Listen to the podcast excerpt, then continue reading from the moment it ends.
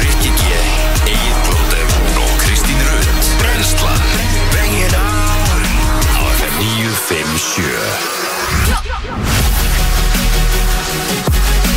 Ég vil bara byrja á því að við byrjum hennar þátt á því að segja að Egil Plóter er í dúnúlpu Já, hann er Þú varst ég- ekkert búin að segja um það Nei, nei, ég er bara Þetta er mjög spes og líka einhver þykasta dúnulpa sem ég séð Já, ég bara Og greinilega ný nóg til, takk Nei, þetta er ekki ný úlpa Þetta er þryggjara gömul úlpa Já, ok En hún er hérna, uh, þetta er svona oversized nægúlpa bara sko Ég bara, þú veist, skýtt með úlpuna Já, Þú veist hvað hún er, hvenær hún er keift og allt það Þú ert Já. í dúnúlpu ég, sko, hvað er það? Það er Þegar jafn maður- hlýtt og það var í gær Já, um Eða kalt. ummitt, ummitt Ég er nú bara lett um jakka, sko Já, þú veist, það, hvað er það samt sem að gera það að verkum að, sko, því að ég- mér, mér er bara, þú veist, þú finnur það bara á pluttanum á mér, skilur Já, þeir eru kalt Mér er bara, mér er bara skít kallt, sko Það og ég vantar alls held að- blóðfæði líka maður Farðu þú að standa höndum Já, eða líka og eitthvað? ég skil ekki eitt Þú ert líka næpu hvítur, bara you look like shit Nei, hvað er í gangi heila? Ég Já. var svaf hræðilega í nótt, sko Já. Verður manni þá kallt þegar maður vaknar eða? Það er ekkert ósennilegt, sko Ekki hugmynd Þú veist, mér er ekkert kalt, þú veist, ég alveg geta sleppt þessu jakka, Kalt. sko Já Já En, en, þú veist, En svo er þetta kannski bara, að maður er bara, þú veist, ég fór aftur út að hlaupa í gær, sko.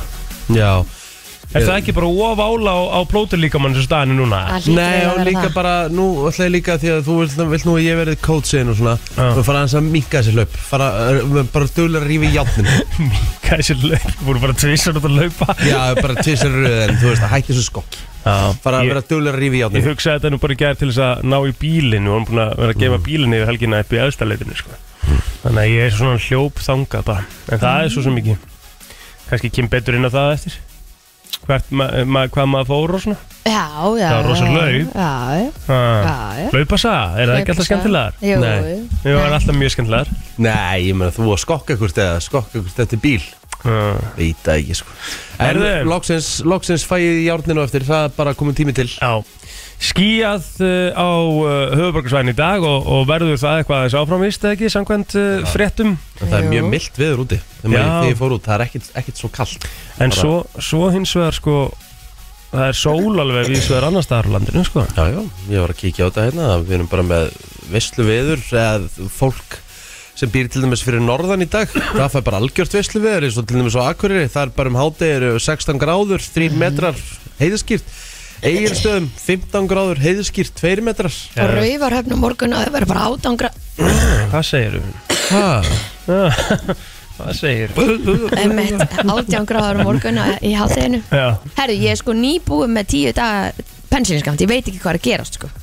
hvað rugglir það? Ég er bara, ég er hún aftur lasin, þetta er hræðilegt sko. það var ekkert eðla fyrir Já, það er átt að heyri mér í morgun, sko, það kom ekkert út Og Já, er bara er ógeðslega bara að skrítið. hósta bara einhverju ógeði sem bara svona og það var svona eins og það hefði bara verið svona kúra ekki segja þetta maður ég ég veit ekki Oj. hvað þetta er þú veist og upp á móti er mér bara úslega heita þegar það er með hýta Ah. Ah. þú er vissi ekki hvað varst að fara að gera Mér finnst þú svolítið við kannski með nokkra komu, Kristi mín Já Já, já, Ég var að finna ég, ég, þú veist, ég hef bara, ég hef engan tími í þetta sko Nei, nei, nei nei. Herðu, það er hins vegar hörkuð þáttur rámöndan hjá okkur í dag svona ef við byrjum aðeins að að Já. fara yfir, yfir gestina það er Gestalistan. haugur að gestum í dag Já, Já, og við erum að fara að try new shit Já, Ég er eiginlega svo, ég er alveg smá spennt við sko erum að smaka að því þetta er eitt af mínum uppáhalds engja þykni Já, með nóa kropp hversu epic er það? Það er rosalegt Ha? mm. Eh, Þú veist, Það er náttúrulega elska komin engateikni Elska nógra Já, þetta Af hverju hlýtur er þetta að ekki virka gott saman? Æ, Þetta bara hlýtur að virka Ég meina þeir eru nú þegar með hana litlu kúlunar Já, Þú veist þannig að bara ef það eru aðeins stærri og heita nógakropp og, og af hverju ætti það ekki að virka og erum við nóa súkulega sko Já, Takk Mm. þú veist, þetta er bara bara basic sko Já Herðu, Birtan okkar kemur að sjálfsögðu til okkar í dag Það Já, er, eh, gæti verið þriðjudagur smá og- þunn Já, Já, og við Af hverju? fórum nefnilega, við fyrst erfum að fórum aðeins út í gær á Hvað ertu svo mánuði kvart yfir því að þú ekki bara Eh, þunn líka? Nei, ég er endar ekki þunn, uh, ég fór snemma heim Já, Það var frumsýningapartí á, á nýjastu þáttum LXS einmitt mm Svaka partí Rosa partí maður Já, ég skal segja eitthvað frá því á eftir sko. Það ég er bara hlakka ekkert til. þess Já, já, það var gaman sko og þessi þættir verða eitthvað Já Herðu, svo náttúrulega erum við með meira Mhm. Hvað erum við meira? Við erum alveg með, held ég, 20 viðbútt sem við erum ekki að nefna hérna Við um, erum að fá okkur, til okkar ungar aðtáknarkonur Akkurat sem að- er að fara að vera með flotta viðburð og ætla að segja okkur hans frá því mm Og svo þá kemur bara restin í ljós Það verður ekki bara þannig Veistu hvað er, er flókið að vera með þetta einu Eru við svona hæga? Þið viljið ekki vera að vinna með skjál Sko. Ég er svona, svona hálfvinna með skjal en ekki ofskjalað Nei, nei, nei, Ég Það var er með náttúrulega- eitthvað sko. en þú veist það er eiginlega svona skíatri að muna allavega hverjir er að koma til manns. Maður hefði það, haldið er- það, það er sko. svolítið smart sko. Já, já, en við komum bara til þér með Ég veit Harlem Harlem Globe- Globetrotters er að koma til okkur í dag Harlem Globetrotters, þetta, þetta er á þér. Þér? Þetta er á þér, þú Já. ættir að munna þetta Já, þið, var, þið veitir samt að ég er langvestur í aði hátíðinu Þannig að þið þurfa að vera svolítið hálfum mér Þú varst náttúrulega á lifjum sko Já, Nei, ég er ekki akkurat. bara, ekki bara til lifi í viku Ég er á sjötta degi án lifja sko. Aha, Þetta er eitt ímyndað hvernig mér liður sko. já, já Ég skil núna Ég skil núna hans sem að En ég skil ekki ekki af hverju, hérna Þetta er að fara svolítið í skapöður Já, auðvitað Ég meina, ég, það er bara hausinn og mér er út um allt Já, Plús að lenda í, í ákveðnu áfalli í síðustu viku Þú veist, Já. þetta er bara er ekki ég, er bara, gott. ég veit ekki neitt þú En veist, af hverju er þetta ég, ég var skemmt í brúðköpi síðustu helgi og endaði með, þú veist, elsku drengurinn heitir Hrannar, svo bara kom bara fyrir ég bara festist bara í einhverja fimm mínútur að kalla hann Fannar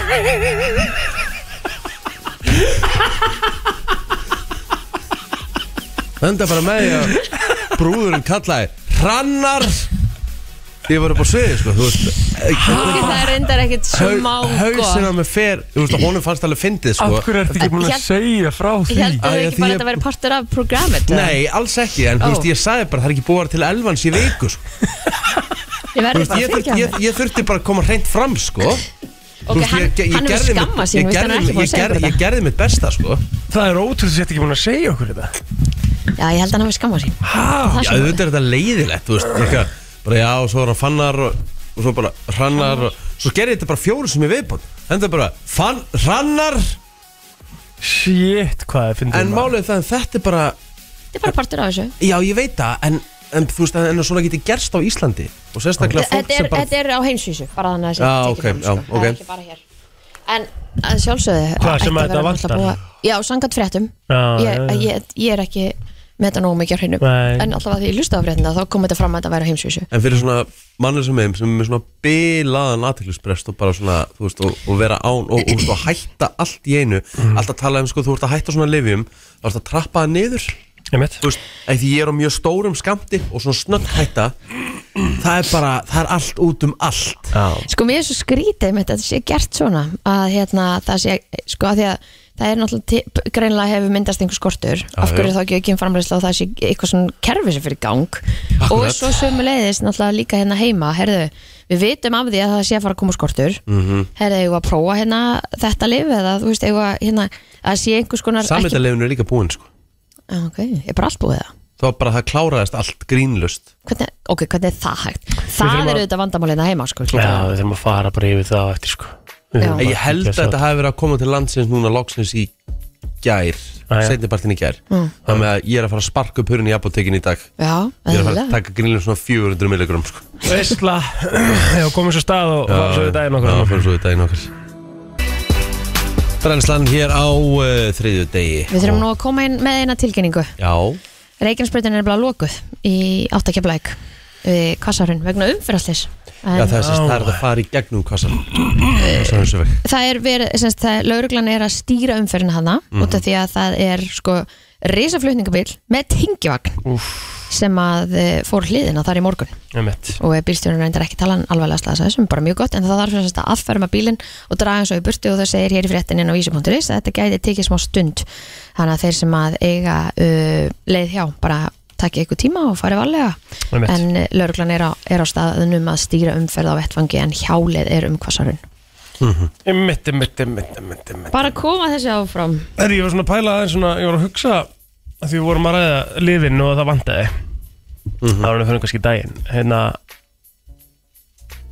Var ég svona aðtilsert að skoða hvort það var eitthvað svona Eitthvað meira af einhverjum svona slysum eða eitthvað svona síðustu dag Já, víst, þetta er svo mikið magna fólki sem er ekki með neitt ángríns En ég held að sé meira fólki sem er undiagnosed sem er bara úti í daglega lífin alla daga sko. Já, já, en eins og Rikki segir, sko, fólk sem þarf bara að hætta á nú litni, Já. sko Já, það er málið, það Það er er það kannski sem er ekki, sem er ekki gott sko, Nei, Þú veist, En ég hugsa líka kannski bara fyrir geðhilsuna og andlega Já, líðan og allt bara það um- hvort það séu sko. meiri slís eða Já, hvort mitt. það sé ég meina það, ég veit til dæmis um eina, ég ætlum að geta, hún geta nafgrinna, hún held að ræðu í, í, í þessu brúðköpi og hún var í sömu stöðu og ég, og ég, hún var ekki búin að vera í eitthvað, eitthvað tíma og, og veist, það var bara, þú veist, glemdi ræðinni og glemdi glasinu til þess að skála með og þú veist, það, veist, það fer allt út í skurð Mhm. Já, já, Emmett, að því þú veist, ég að finn fullt- ekki til með ykkur að fullt af hérna undiagnosed fólki hérna úti sem hefur aldrei verið á lifjum en það er talað um sko þú ert á þessum lifjum Mhm. þá er bara mjög slæmt að snögghætta mm Mhm. -hmm. það getur bara, og eins og ég er að finna fyrir þú veist, það er bara, ég veit um all Mhm. en er bara til uh, ein típa af ADHD-legum, eða? nei, svo er til sametalif líka sem, sem, sem hægt er að fá þau kláruðist líka, það bara kláraðist allt En er ekki til misböndi lif, skilur, er þetta allt bara eitt Jú, lyf en og saman? ég það held- er bara ekki fara eins og til dæmis, ég held að segja til konserta Já. það er, það er annar lif en þú veist, það er bara ekki þú veist, það er ekki, þú veist, þú ferð ekki af 80 grömmum af elvans og beint í konsertu sko, deginum eftir Nei, nei, nei það er bara ekki, ekki gott sko Nei, ok, ég veit Svo náttúrulega eru margir ekki sem hvernig eru kannski jafnvel 1 til 2, 3 ár að finna s- sko rétt að lifi fyrir sig Mhm. og líka rétt að skamtinn fyrir sig skamturinn er náttúrulega það Þannig að- sem er Þetta er ekki eitthvað sem hún getur bara skipt út í svona held ég það er. Nei.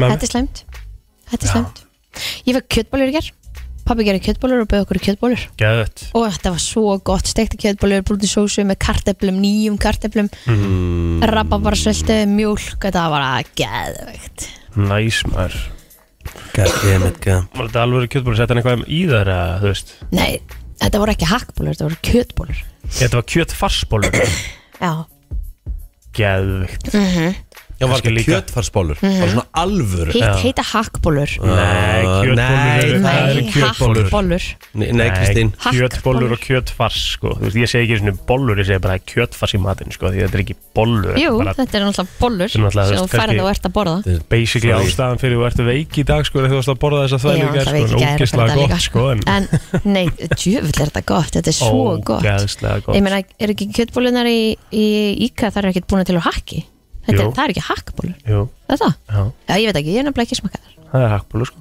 Ok, En kjötbólun er náttúrulega það, sko, Kjötfarsið náttúrulega er eitthvað meira unnið Af kjötvörum heldur en kjötfars Nei, það er örugglega ekki Þú veit það gott samt Ógæslega gott, það var gæðvegt Fucking Ég var gott, til að borða þetta aftur í dag sko. Já, ég veit það sko Þú veist, og líka bara nóg að sigri með þessu sultu og, og Já. bauð meira sér upp á grænar og rauðkál með þessu líka Já, veistla Já, já, ég meðist bara rauðkál alltaf verið mikið jólin Mér skrýta að borða rauðkál einhvern tíman á öðrum tíma en Ég borða eiginlega, ég er sammálaðið sko Ég borða mjög lítið rauðkál nema Ég Mjög elska hátíðan, rauðkál sko. sko. Ég bara, þú veist Ég kaupi mig sko þegar ég er að fara í mat eitthvað staðar Þú veist, ég veit ekki hvort þetta er dónalegt eða ekki Þú veist, En þá með bara alveg sama uh, Það er Þú veist, eða, til dæmis, ég veit ég er að fara í lambalæri eitthvað staðar Eða bara lambakjöt eða eitthvað Þá tek ég bara rauðkálskrukku með mér Til þess að sé potti til af Því ég er ekkit viss um að manneskinn sé að fara að bjóða upp á það Ég get þá ekki borðan nema ég sé rauðkál Ó, hvað það er skrýtið Já, þetta er það alveg fáránlegt sko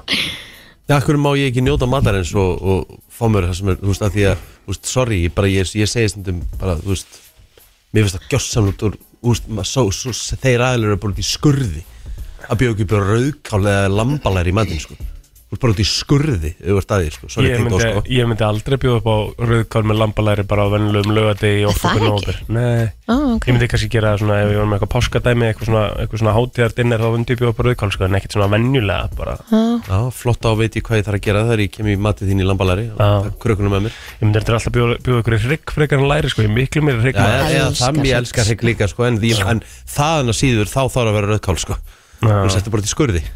Varst að læra þetta eða? Já. Jep, gerði það Þú í er búin að nota þetta svona 15 sinni bara núna eða þú veist Já, ég veit það. Í byrjun. Spurning hvað hann nota tráma oft líka í dag, hann læri það líka í ger Já. Já, en Það er ég var bara að tráma. gleyma því til þeim að því út að, já, úst, Út af liðinu.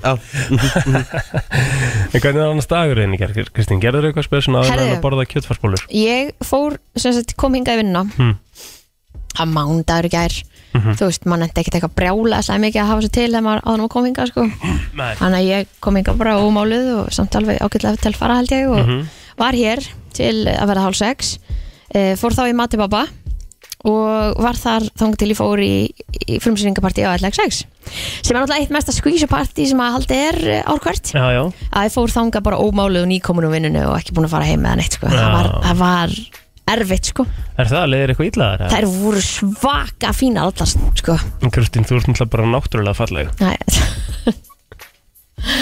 takk fyrir það ég hefði svona viljað gera mig kannski eitthvað smá til ég bara hafði ekki tíma að Já, bara óþarið, það þarf þess ekki, þú er svo það sæt en ég satt bara út í hodni Já, já, en það voru skemmtileg þættir þannig að það verður hérna, þe- það sem við sáum en það Já. verður hérna, það verður gaman að fylgjast með þessu nýja sísónu við viljum að fá það til okkar á morgun því að fyrsti þátturinn verður síndur á stöðu á morgun einmitt Já, þetta, þetta byrjar á morgun já, Hvað er þetta? Season, herðu, þetta er sísón 2 já, og það er tilkynnt í gær það verður sísón 3 já sjálfsög Það er svo hart að vera að byrja season 2 þegar að vita season 3 er, er- er- Nákvæmlega. er- er- Já, já, þetta er hérna, þetta verður stemming Stemmingstættir maður Gætu við verið með svona raunveruleika þáttum okkur að þið getur það, það verður reyndar að Já. þú vil að fyndi Við bara gerum svo lítið sko Einhvern veginn, finnst þið það? finnst þið það ekki eða? Ég meina, Mér finnst það hvað- alltaf vera að og það er bara alltaf það sem myndalega fólk verið að segir elda því í partíu hjá Ónaksli gæri kjötfarsbólur eða? Já, vitið þið hvað eh, vitið þið hvað toppikinn í gerð voru góða Já, Ég ætlum ekki að ekki að hann er eitthvað- komýrin, sko, bæði bróðum minn og Já, pálminn já, en svona undan ég, sko, ég veit ekki, maður hugsa sitt líf í, þú veist, mitt líf núna síðast þannig tvær vikur verður búið að vera algjör veistla held ég, í ykkur svona raunveruleika dæmi sko. Einmitt. Já, það reyndar. hefði til dæmis nást á filmu þegar hann var bara hrannar, nei fannar, nei Ah, fannar, nei hannar já, já, Þú veist, það reyndar er sko bara verið stórkostlegt, þú veist, og þetta var bara Reyndar. svona ég, ég, ég, úst, muni ekki alltaf svipin á hérna, klángæjanum hérna Frank þegar hann var búin að gera eitthvað hann var alltaf svona þegar var svona að horfa alltaf til hliðar gett vandræðilegur, Já. þetta var nákvæmlega ég hún kom bara svona þögn Ég meina heldur að það hefði ekki verið gott atrið að þið hefði náð mér í hérna vafrandum gutur keflavíkur að, að hérna leita mér að leigubíla Það verður hörku held í sko. senast en rétt, á, það hefur verið Ég ógeðslega að var finna nefnilega að hugsa að sko, það hefði verið gott líka bara á fimmtudeginum og fyrsta smotninum bara svona Við erum að vakna og einmitt Já, Þannig ég myndi nú segja að við varum bara með mjög gott stöf í hendunum sko. Það er endur alveg rétt sko Hvað gerir þú í gerð ekki? heyrðu, ég uh, var á smá bara var í smá, hvað, hvað getur sagt, svona reddingum var að ná í svona ákveðna pappýra og þetta er ógslag fyndið þegar maður er búin að gera eitthvað hluti einu sinni þá er maður bara þá er maður bara svona vanur þú veist, maður þarf bara að gera það einu sinni þá þekkir maður þetta Já, Já, það eru einhverju hluti sem eru þannig og aðrir sem eru alls ekki þannig sko ég hérna bara, þú veist, ég bara fekk bara svona deja vu þegar ég kom á einn ákveðin stað í gerð bara, vá, ég var bara að gera þetta Mhm. Emmett svo setjabartinn, þá hendi ég mér í golf ó næs fór Já, 16.40 út og ég var bara í l- ljósa skiptunum á síðustu hólunum í gær Var golfiður í gerð að? já, var ógeðslega gott við Það var alveg- setjabartinn og í gerðkvöldi Já, það var svona stilla í gerkvöldeila ert að grínast, það var geggjað Já. ógeðslega næs og uh, komin ég að forgjöf, spila á 73 höggum, Wow. pluss tveimur Já Á hvað velli varstu? gekk og ég, Ok ég er komin núna í 6,7 Það er svaka ég er að fara niður aftur Já, Til hamingjum, Takk, það er rosalegt takk, takk en gaman að heyra Bara svona þegar þetta er akkurat að enda Ég, ég ger þetta líki fyrra mm. Verð alltaf betri svona eftir því sem líður á sísón sko. Já Þess að það er eiginlega að hætta fyrir golfferðir sko, á vorinni, svona bara að fara á haustin sko. Já, meinar Já, þegar ég er, í, þegar ég er uppið með besta Bara svona oktober Hvenær er best, hvenær er gómurinn að fara í þessu golfiður? Er það í oktober? Og, Já, og, það er mjög vinsælt Já. Svona seft óttferðir eru, óst, óttferðir eru held ég langvinsælastar Já.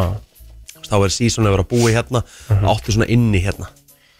Og hvað er það, er, er það nú heitt á Spáni og svona þegar? Ah, Jó, jó, jó Það er 24 gráður, Já. bestu hvað það sem við erum að fara að spila Ég, meni, ég, er að fara til, Mm. ég er að fara núna til Fullkomið líka, fullkomið heitast þig, 24 gráður. Ég er að fara núna til Bratislava núna á fimm- eða sem staðfórnum föstags Já. og þú veist, veðrið þar á föstu dag og lögat er bara 27-28 gráður sko. Og geggjað Alltaf að spila golf hana? Nei Er þetta bara stullur og stuttunpólur? Já, já, já Geð Það er ennþá bara mjög heitt í Östur-Európa sko. Það er hita, ég var að tala við Gunni Lóri í morgun, það er hitabilgja í Danmarku, það spáð bara einhverjum eh, 20 okkar gráðum eh, út þessa viku, hún, hún var út að labba í, í buksum og sagði, "Ei, ég get þetta ekki, ég þarf að fara inn í stöpurur.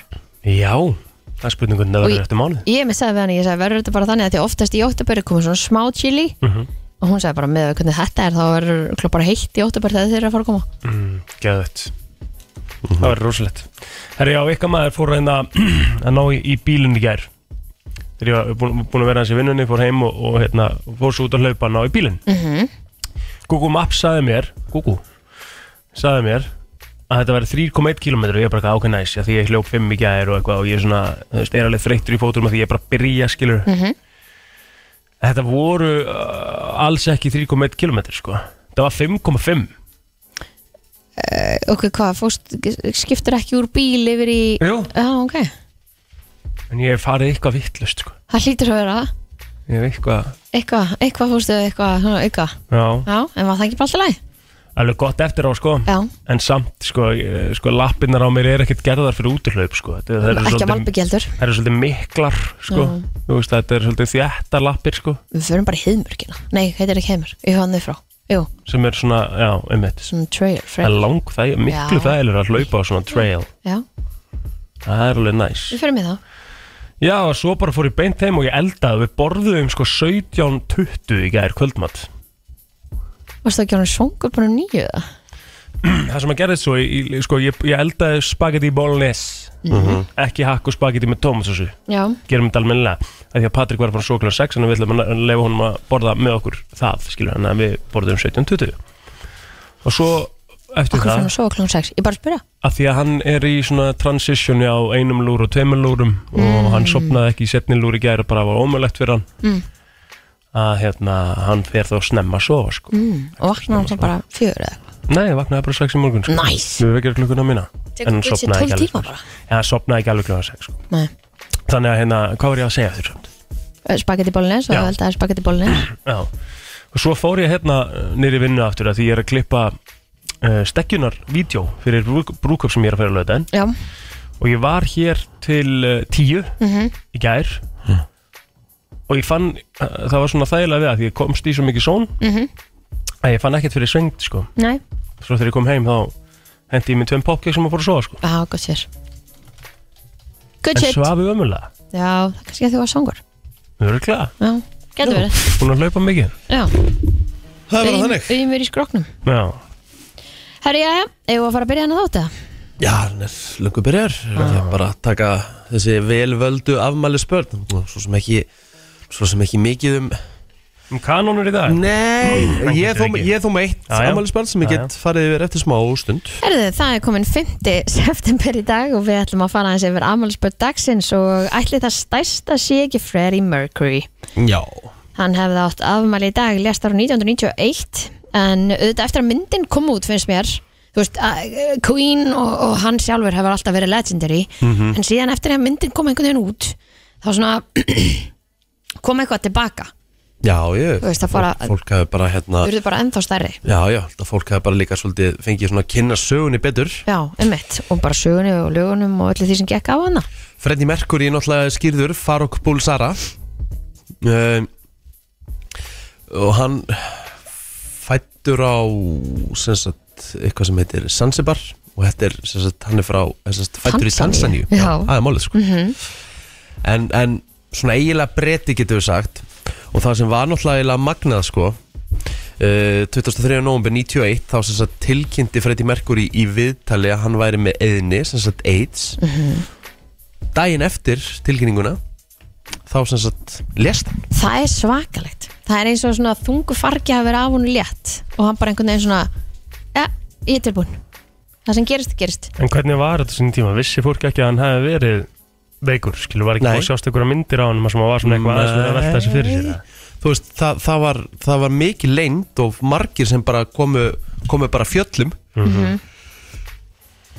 Hérna, En þetta er eh, bara algjört íkon sko ég ætla að finna eitt link hérna fyrir, manstu, við fórum að sér um daginn, við verðum að gera það aftur, ég man ekki hvort að þú hafi verið með þér ekki en allavega sem sagt eitt frægasta uh, lag og held ég besta lag sveitarinnar Bóimar Rafsurann það, það er það held ég að sé bara útskýra besta, brandarann sko. be- besta, besta lag sögunar Já, já, Hvað sagði hann? Hann sagði náttúrulega, sko, hvað sagði hann eftir nákvæmlega? þetta var einhvern veginn svona Bóin, bóin, La, la, la McQueen, Já, Bóimar Rafsurann þú veist það er bara ha já, já We are the champions er líka upp þeir sko Það Já, er náttúrulega mikið já. nota og we will rock you Þetta er Einmitt. náttúrulega bara, þú veist, iconic lög sem að bara er ekkert, er ekkert hægt að hérna keppa við, sko, margir hverjir Sko nú erum við náttúrulega líka að fá sko, með, með tækninni í dag þá erum við að fá endur nýjum lífda á, á sumum söngurum og við erum að fá þá til að taka svona uh, lög mm -hmm.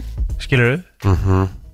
sem að uh, kom út löngu eftir að þeir uh, yfirgáðu þennan, þennan heim Já, ég var að senda þér hérna linkin Riki, við fórum yfir þetta einhvern veginn um daginn en við þurfum eiginlega að skoða þetta aftur sko Þess Þetta er sem sagt þegar Freddie Mercury er búið, búið að gera röddina hans bara í gegnum AI að taka My Heart Will Go On alveg rétt sko. Þetta er algjör þvæla sko Er bara til röddinans Freddy Mercury í AI Já.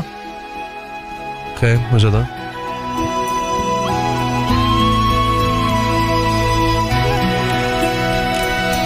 Every night in my dreams, I see you, I feel you.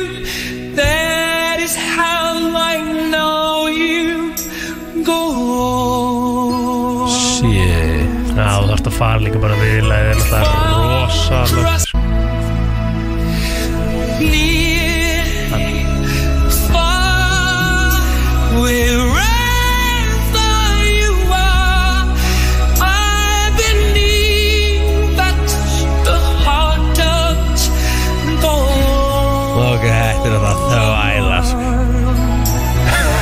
Once more, you open the door, and you hear in my heart and my Þetta heart. er Þetta er svakalegt, bara sko rosalegt wonder. God damn it Ég maður hef heyrt betri útgáðu sem þessa sko Aha Já, bara störla útgáðu sko Svo getur bara að googla, bara getur fara á YouTube núna og bara skrifa Freddie Mercury AI cover Það er bara fullt af lögum Ah, bara eitthvað Don't Stop Believin', Take On Me, þú ert með Let It Go, þú ert með Skyfall. Eina sem er hrættur um bara, þú veist Þú veist, Freddy þetta sé orðið á mikið varandi AI, sko, þú veist Ah, Það já, er bara hægt að láta, þú veist, það er bara hægt að gefa út lög með látnu fólki bara, þú veist, það, þess vegna, sko Mhm. já, núna er náttúrulega sko mjög mikið verið að, og ég meina, ef þið pælið í líka, það er eitthvað fullt af fólki sem er að með þessar YouTube channelar, skilur við, með þessar channelar sem að, hérna, eru að monetisa þetta, sko. Já, bara Pottet bara monitasa röddina en það er líka búið að vera ganga svolítið á TikTok allan hjá mér sem er eitthvað lag sem er búið að eh, sem að einhver vill svo innilega að Justin Bieber syngi Mm. og það er búið að setja eitthvað svona AI Justin Bieber bara á það lag og það er ógislega næs og svona, mjög svona cozy cool lag sko og það er bara, ég held að sé fyriröglega koma að því að hann sjáu þetta og taki þetta sko, Já, já, Eh, já, já. skilur Mm. en þetta er alveg þetta, ég- mér finnst þetta náttúrulega bara smá óþægilegt sko Já, Svona weird þróun Þess að því að við erum alveg við að missa marks hvað er raunverulegt og hvað er ekki. Já Það er creepy, sko Það er alveg smá kripi lína, sko. yep. uh, Ari Eldjátt, hann var líka ámæli já. dag Iconic, náttúrulega, fyrir sínar uh, síningar Ef maður spyr hundra íslendinga, Mm-hmm. hver er fyndnast íslendingurinn, þá myndi ég segja að væri svona 75-80 sem svara aðri eldur. Já, Þú veist, það er einhvern veginn þannig, sko. já Og ég skilði það alveg Já, ég man bara einhvern veginn svona præm þegar, hérna, með Ísland voru með þessar síningar og allir voru einhvern veginn að fara tvís og þrís voru einhver einustu síningu, sko, þú Mhm. veist. Mm-hmm. Hann var bara svakalur þar, djúðlega var að finna inn maður. Og þetta hérna, sko Hérna, hérna My name is Stuart. I live here in London and I support KR. All right. Welcome to the KR Cave. This is my favorite room in our flat. It's actually the only room in our flat, but I had it converted completely and I got a lot of cool stuff I found online like this scarf, shirt, this flag, and my favorite painting in the world. Just classic football players for KR. It's KR, KR. Brilli, Olga Geðveikt, sko. Þetta er hérna uh, Þú veist, þetta er iconic karakter Já. Erum við með eitthvað meira í ammálspötnum eða erum við svona búin að Nei, stilla þetta er þetta? Úr eða? dagur, sko Ég Já, held að við ættum fara frekar að fara og finna eitthvað gott kvínlag til að hafa í lægdagsins já, ég sammála því. Förum í það bara eftir öskum og stund. Gerum það og höndum okkur öllusingar Takk Hér er komið að lægi dagsins í brennslunni Já, og að því að við erum með uh, Freddie Mercury sem fættist á þessum degi uh, lestu þetta langt fyrir aldur fram eh, 1991 og fólk vekk ekki mikinn tíma til þess að svona átt að sá því að hann var hann veikur því að hann tilkynnti veikindi sín degi áður en hann lest Já, og hérna, við vorum svona að reyna að ákveða hvaða lag við ættum að velja og það var eiginlega ekki hægt Nei, þetta er svo mikið af flottum lögum Þannig að við ætlum að hendi mín í flottulega flottulagakeppni keppni mm, Til ég það Bara eld snemma á, á, á hérna, þriðudagsmorni fyrir eh, morgun hanana sem eru vaknaðir nú þegar Mhm. Og uh, Með það við traffikin eða fyrir það utan Já, og Fyllt já. af fólki vann alltaf fólki Herðu, uh, hver ætlar að byrja? Ég skal byrja, Þú ætlar að byrja ég skal byrja, ég skal byrja mm, og þú náttúrulega kannski Ég ætla bara að fara í lagi sem ég bara tengi með Queen og mér finnst uh, þetta lag að vera þannig að ég get hlusta á það alltaf Já, hvort sem það er á laugataskvöldi eða bara mánudegi og úst, þetta er svona lag sem maður getur öskusungið og margir sem tengja við það og þetta er bara hið eh, fræga Bohemian Rhapsody já þú ætlar að fara bara í beint í vinsælsta Já, þetta er náttúrulega bara vinsarast, þetta er náttúrulega bara langbesta lagið þeirra Já, margir sem að tala um að þetta sé Já, það er Ég- Að einhverjum sem að meina mínum að þetta þetta finnst mér þetta breytt besta lag allra tíma Já, einmitt, sko Ég get alveg bakka það upp, sko Skulum bara henda þessu í gang, ég er með Bohemian Rhapsody Gotta leave you all behind and face Mama I don't wanna die Sometimes wish I'd never been born at all God damn, god damn, það er bara þannig Herðu, hvað ætlar að vera næstur? Eða Næst? Ég sko næstur Já Þú ert með, Ég ætla að fara í Somebody to Love það er gott lag líka og ég ætla að byrja á 1.16 Somebody to Love með uh, Queen og þú ætlar að fara í 1.16 hér kemur uh, það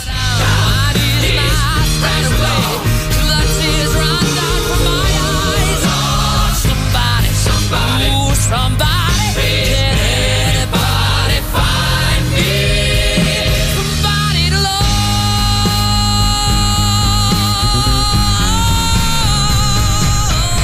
Þetta er uh, störðlalag uh, líka Vá, hvað er erfitt að velja maður Það er ekki hægt Saving the best for last Næ, ég fenn nú ekki, fer nú ekki að segja það en, en, hérna, en gjör svo vel Fínasta, fínasta lag hérna Já, Já, fyrir ekki, þú mátt, já, ég glemdi, þú mátt, þú mátt kynna afsakið Já, nú það bara því miður að fyrirgeða mér Já, ég, ég, þetta er sammála sko það er maður fyrir ekki að lif, liflausum rikka sko Kóttu með þetta, Katrín herði, ég, já, ég ætla að fara sem sagt í Don't Stop Me Now sem er eitt af mínum uppáðans með Já, Queen flott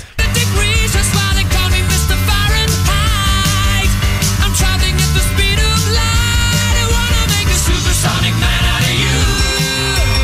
Don't stop me now. I'm having such a good time.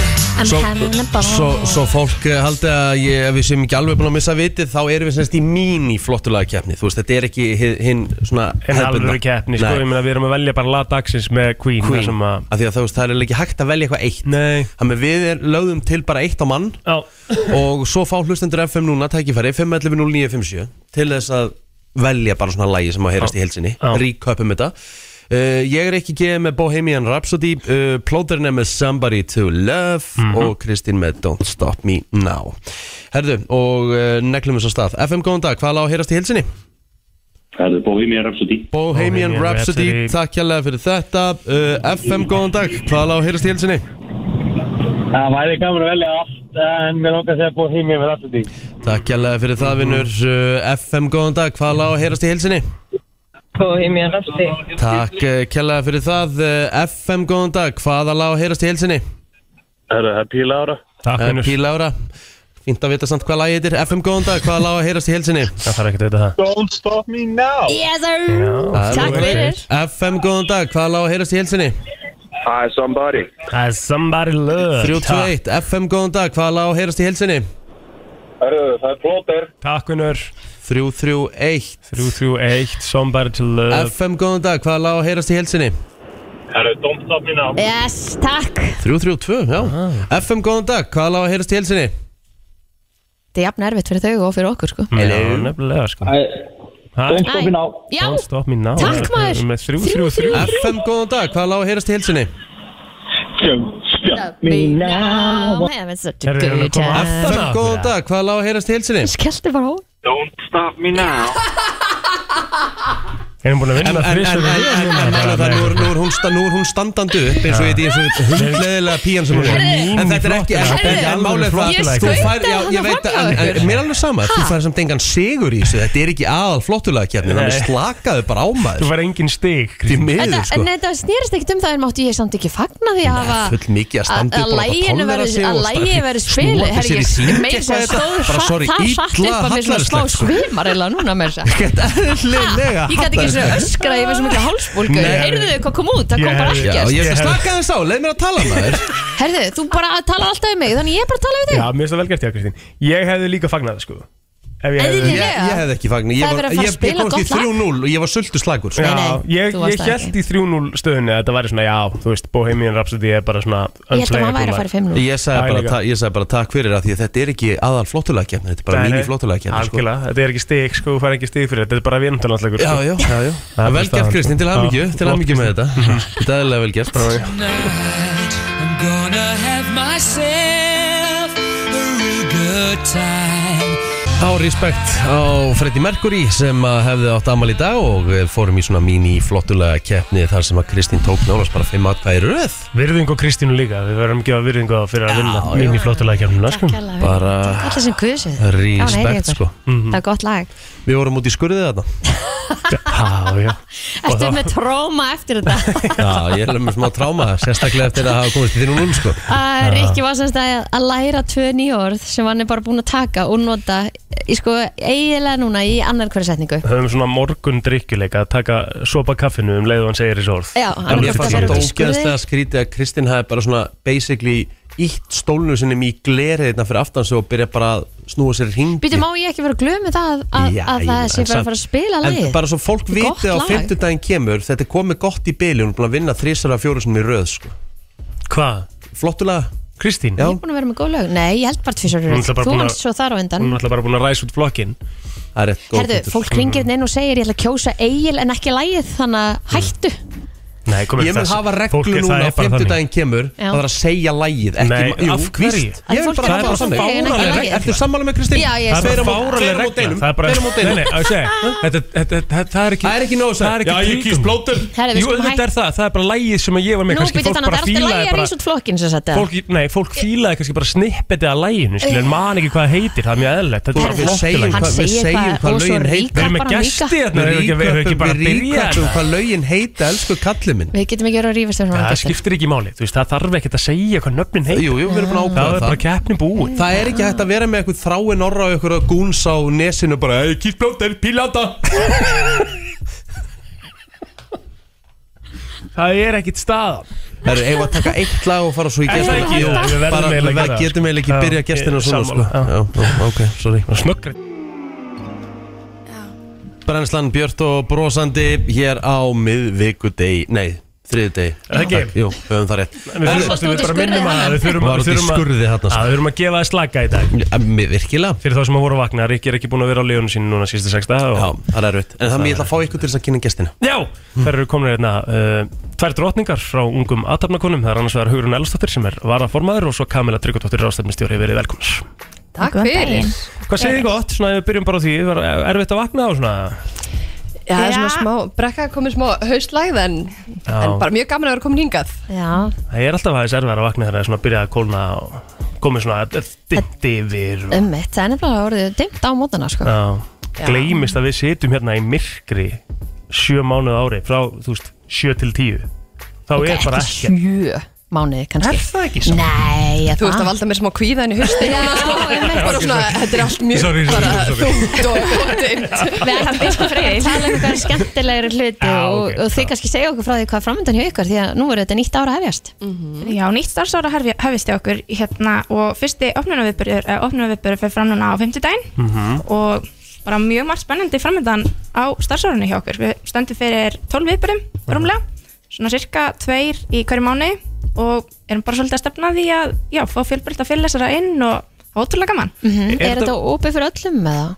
Já, ö, öllum velkomi sem Mhm. að hafa st- ö, áhuga á starfsemi félagsins og það eru um það bil 400 konur skráður í félagið núna og við sjáum alveg fram á aukningu þannig að það Sko, er spennandi af því að, uh, mér, mér finnst líka af því að þau hafa komið inga á hverju ári sem er bara alltaf frábært og við, mér finnst því svo að það sé að vera færast í aukana þessi viðbyrði þeir eru fleiri og fleiri á hverju árunni bara er, er starfsemin alltaf að vera stærri og, og meiri Já, við sjáum það klárlega að það er búið að vera mikil aukning á félagskonum bara undanfærin ár og það sýnir bara að það er þörf á þessar umræðu sem er að eiga sér stað á viðbrunum og, og því sem við erum að bjóða upp á þannig að það er bara virkilega gaman að að sjá og við hefum líka verið með utan viðbruna fullt af fræðslu og svona gaglugum tólum og tækjum fyrir ungar konur sem eru bara að stíða sinn fyrstu skref á vinnumarkaði og flestar eru auðvitað svona á bilinu kannski 25 til 35 og hérna þó við séum nú ekkert með neitt aldurs að hámark við segjum bara ef þú finnur því í starfi félagsins þá ertu meirinn velkomin að mæta Einmitt. og hérna þannig að það er svona margt sem að félagskonur hafa getað tekið með sér og nýtt sér og svo er þetta líka bara greiðlega stert tengslanett Já. þannig að já,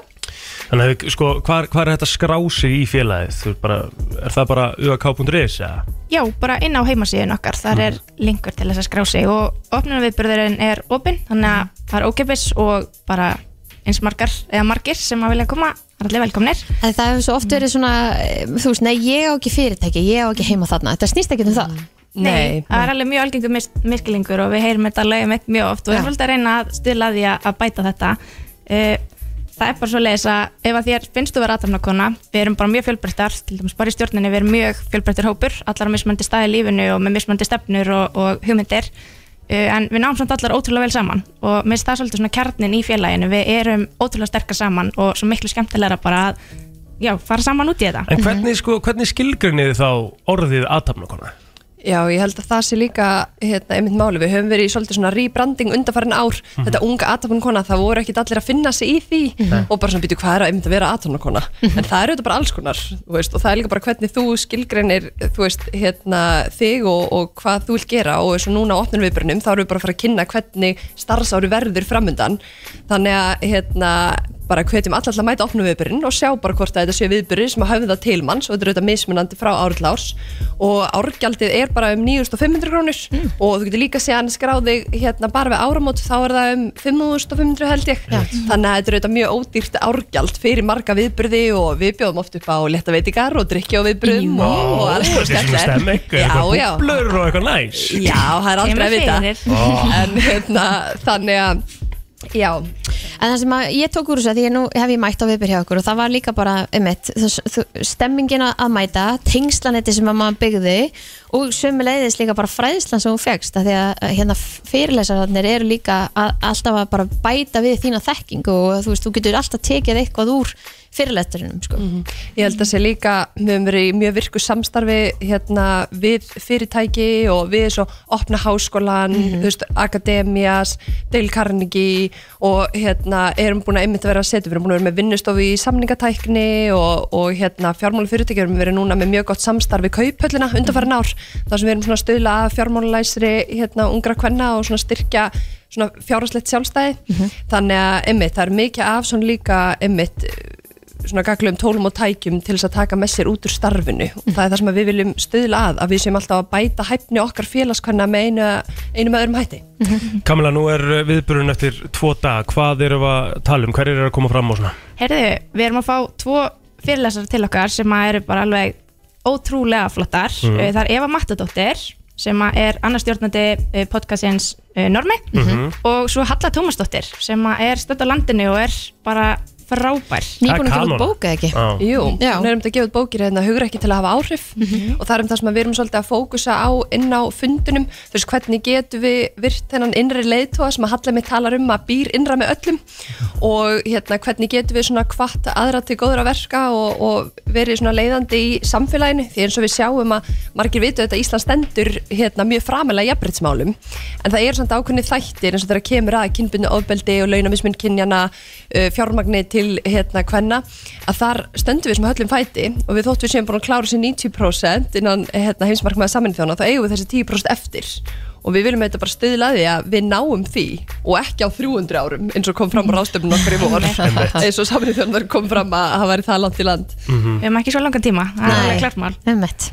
Og hvar skráum maður sig eh, og hvernig hérna, geta uh, já, konur eða bara allir, eins og þið segið þá, mætt á viðbyrjun? Já, algjörlega, hann er bara opinn öllum og við hvetjum bara sem flesta til að mæta og, og kynna sér starfsemi félagsins hérna núna þessa önn Mhm. en maður skráður sér bara inn á heimasíu AK en hérna í félagið en fyrir viðbyrðin, opnum viðbyrðin út af hann er opinn öllum að þá er það bara Facebook viðbyrður sem við erum með þannig að bara slá inn opnum viðbyrður AK á Facebook kíkja á það og svo erum við auðvitað líka með virkar á Instagram og LinkedIn þannig að við hvetjum auðvitað alla til að fylgja okkur þar líka og svo er líka bara hægt að mæta mitt í grósku það er ekkert að skrá sig fyrir opnuna viðbunum sjálfar bara Já. hægt að mæta á staðinn og ein eða með vinkunahóp eða mömmu eða ömmu eða bara Geggjað. kjöndar Já. Bingo, Hugrún og Kamila, takk fyrir komuna að gangu sem allra best Takk, fyrir, fyrir. takk fyrir að fá okkur